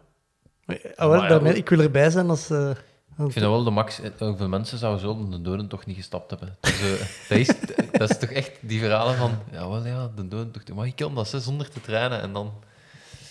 Ik denk dat menig mensen verschoten zullen zijn. hè. Ja, ja, dat is waar. Ja, eh, en misschien ook nog de, de vraag die waarschijnlijk op ieders lippen brandt. Eh, waarom is een Polestar beter dan een Tesla? Ehm, ja, ik denk, denk ja, vrij simpel. Eh, wij zijn kwalitatief echt, echt eh, een groot verschil. Ehm, een Tesla is gebouwd vanuit Amerikaans oogpunt en ook afwerking. En een Polestar is gebouwd vanuit Scandinavisch oogpunt. Ehm, dus daar maken we echt al het verschil. Ehm, Tesla heeft wel de, weg echt geplaveid voor elektrische wagens. Maar eh, ja, ik denk dat in Europa dat we ook belang hechten aan after-sales service. En daar maken we echt... Is, is, is Tesla zelfs niet in de picture. Dus eh, ja, dat is wel... Denk ik, kwalitatief staan wij, staan wij een stuk verder, ja. Goed. Eh, voor de rest, eh Seppe, nog dingen dat je... Ja, ik vroeg me af of je het nu nog, de, zo vooral de stiepel, of je dat nog volgde, wat de Belgen doen. En eh, je zei daar juist Tim van de Velden al, die, die heeft zich nu de limiet gelopen voor het EK. Ja, en Peter Jan eh Ja. babbel ik nog geregeld mee, dus... eh, Ja. Eh, eh, Is hij aan het lurken achter een auto? Ehm, hij, hij, hij vroeg even informatie over laadpalen en de Polestar 3, die in oktober uitkomt. Dus eh, hij, is, hij is aan het luisteren. ja. Ah, ja. Ja, maar volgde, uh, zoekt er nog uitslagen op? Of, of, Uh, ik ben nooit een man geweest die, die uitslagen in de diepte ging gaan bekijken. Ik ben altijd een doener geweest, meer dan een kijker of, of opzoeker. Dus echt altijd gewoon uit, uit eigen interesse. Maar als sport op tv opstaat, eh ga, ik, ga ik het wel zeker bekijken. Ehm, maar ja, af en toe zie ik wel nog zeker dingen passeren. hè. Twitter is daar kort maar krachtig ja. eh, een, een bondgenoot in. ja, want ik, ik kijk uit naar het BK-stiepel nu. Ehm, ja, waar, waar eh, ik hoop dat, dat Tim gaat lopen, maar ook eh, Marco van der Poort doet ook mee. Ja. Dus als we spreken over schildjes, de man die op de crosscup loopt met ja, echt heel zijn voorkant eh, vol met schildjes, die ook stiepel loopt. En ik denk Clément de Vlaanderen is nu ook aan het stiepel lopen. Ja. Die, eh, ehm, wat, wat, wat toch wel een goede laag is. En dan Pieter Jan daarbij. Dat, ja, plezant hè? dat, moet, dat, allee, dat moet toch een revival zijn of zo. Eh, Ja, ik hoop het. Ik denk dat het een mooi nummer is. En bovenal echt een onderschat nummer. ja. Eh, want, want de oefening wordt vaak gemaakt. Ja, ik loop 8 minuten, daar 20 seconden bij. En ik loop 8,20 op de stiepel. Maar ehm, zo gemakkelijk is het niet. ja, ik ben wel sneller op een drie vlak dan Voilà.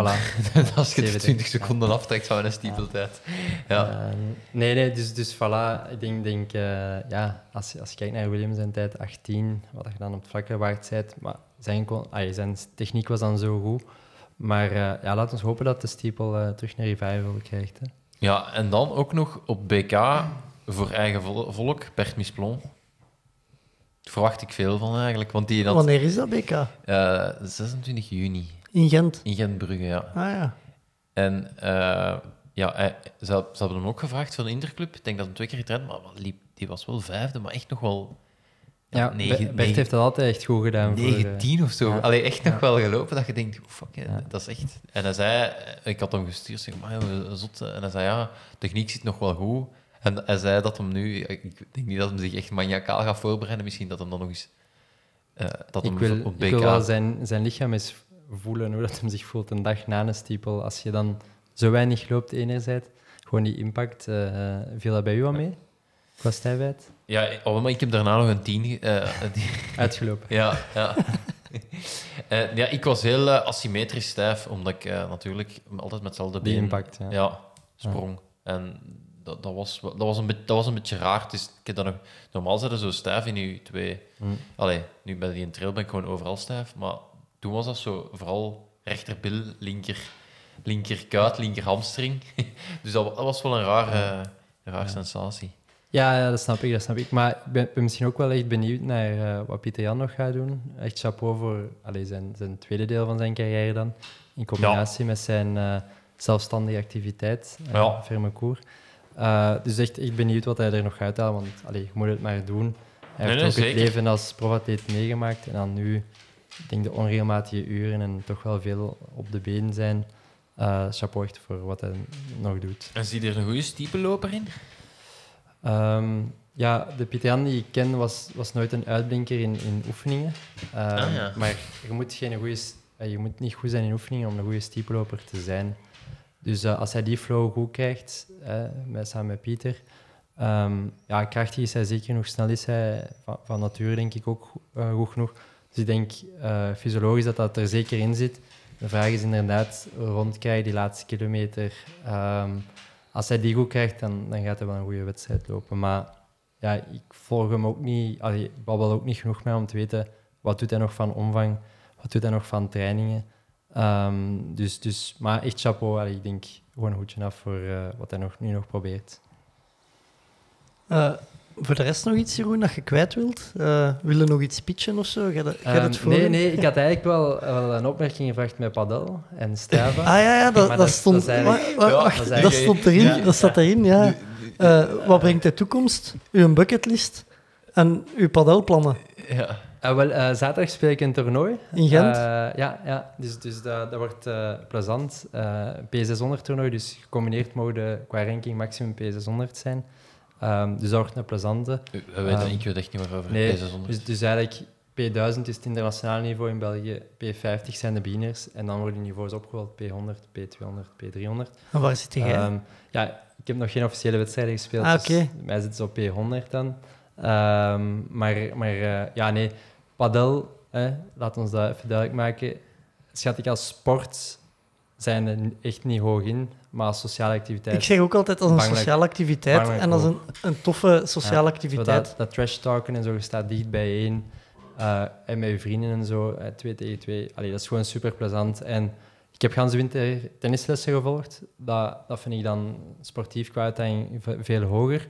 Maar het toffe aan padel is gewoon dat de lat lager ligt. Dat je met minder begaafde spelers, en daarvoor noem ik mezelf niet super begaafd, maar een veel leuker spel hebt dan bij tennis. Als een bal passeert, is het spel gedaan. Bij padel, als een bal passeert, Komt hem terug. It's voilà. coming back, ja. Eh, en waarom staat dat op Strava? Dus met Polestar was er een challenge. hè? Een challenge, wereldwijd. En als je sportactiviteiten oplogde, kreeg je daarvoor punten. Ah, En bij mij was dat gewoon automatisch gelinkt, dus dat was niet dat ik daar trots was dat ik de kilometer had rondgewandeld, maar ik kreeg er wel punten voor. En, en dat was eigenlijk de, de insteek. Maar Ja. ondertussen heb ik het uitgezet. Oké, Eh, ik wil ook wel even zeggen, op mijn Garmin, eh, er staat een functie op padellen. Maar ik vraag me dan af, eh, moet, moet, moet die aan je slagarm dragen of is dat puur voor de, voor de Ja, afstand? Ik Eh, weet het niet. Garmin ik weet, ik Benelux weet dat is mijn, geluisterd. mijn, mijn gemiddelde hartslag misschien eh 100 is of zo. Ja, dat is dus, ja. Eh, Ook eh, als ik dat gedaan heb, op anderhalf uur, 2000 stappen of zo. Ja, het, het is, Dat het is is, super weinig. het is Allee, laag, dat zeker als je goed staat. eh. Ja. Maar dus, eh, Bobby, we moeten eens gaan spelen. is goed, ja. Ik, Hey. ik heb gisteren gebadminton tegen Bart Swings. eh, en eh, de, de Nico heeft ons zo even... allee, hoe moet je dat noemen, Bobby? Hij, hij ging zo pluimpjes... Schieten, heel, veel achter elkaar geven. Dat, dat was toch wel meer als hartslag 100 of zo. Dat was toch even... Maar dat geloof ik. Ik denk squash eh, en, en badminton dat je hartslag way hoger krijgt dan eh padel. Ja. Ja, dus op die manier beslist wie sportman van Erend wordt. Ja, duidelijk. duidelijk. Eh, nee, qua ambities, ik, ik probeer, ga terug proberen meer te sporten, meer te lopen, meer, meer te fietsen. En ehm, ja, hier naar een padeltoernooi mee te pakken. En ja, tennis staat er nog zo wat tussen. Eh, Ja. ja. tijd is een groot probleem. Oké, ça va. Eh, ik denk dat wij dan alleen nog onze Jogclub Live misschien nog eens moeten pitchen. Ja. Eh, volgende week donderdag, allee, dus donderdag 16 juni, eh Isaac Imeli komt, Wim Laga komt eh, en de Wart komt daar aan worstelen. Dat is Ja. bevestigd. Inderdaad. ik laat het in het midden of dat het tegen een tegenstander gaat zijn of dat we een stand gaan maken waar het volk kan armworstelen tegen Wart. Ja, we gaan eigenlijk op zoek naar de sterkste man van de jogclub. Ja, Man of vrouw. voilà. Ja. Eh, verder, wil jij nog iets zeggen, Jeroen? Ja, eh, ik zal toevoegen, de winnaar verdient een testrit met een Polestar. Dat zal Ja. ik wel regelen. Oké. Oké, dat is een goeie. In open dak zo rondgereden worden. Hè. Hebben die cabrio's? En bij de bij cabrio's. Eh, nog niet Polestar 6 wordt een cabrio normaal. Ah, ja. Eh, Jeroen, dikke merci voor uw tijd. Graag gedaan, heel graag gedaan. Merci voor af te zakken tot inerend. Seppe, eh, ook merci voor uw tijd. Ja, ook nog even zeggen, eh, als, het als het online staat, De vrijdag, Sportgala in Erend, ah, vrijdagavond. het, het beslissing, Odijn of Swings, Sportman Ja. van Erend. Oké, ça va. Eh, deze was het voor mij voor deze week. Tot volgende week. Willen ze niet of willen ze niet? Doen we het of doen we het niet? Tommeke, Tommeke, Tommeke, wat doe je nu? Tom Bonne gaat wereldkampioen worden. Hij rijdt 5 per uur. Te snel voor ons. Fred gaat. En nog Fred. Jeff doen is iets. Jeff! Wat is er mis met Dumoulin? Hollands poepen. Hij heeft diarree. Don't stand on my dog or I cut your head off. Daar is hem, daar is hem. Daar is hem.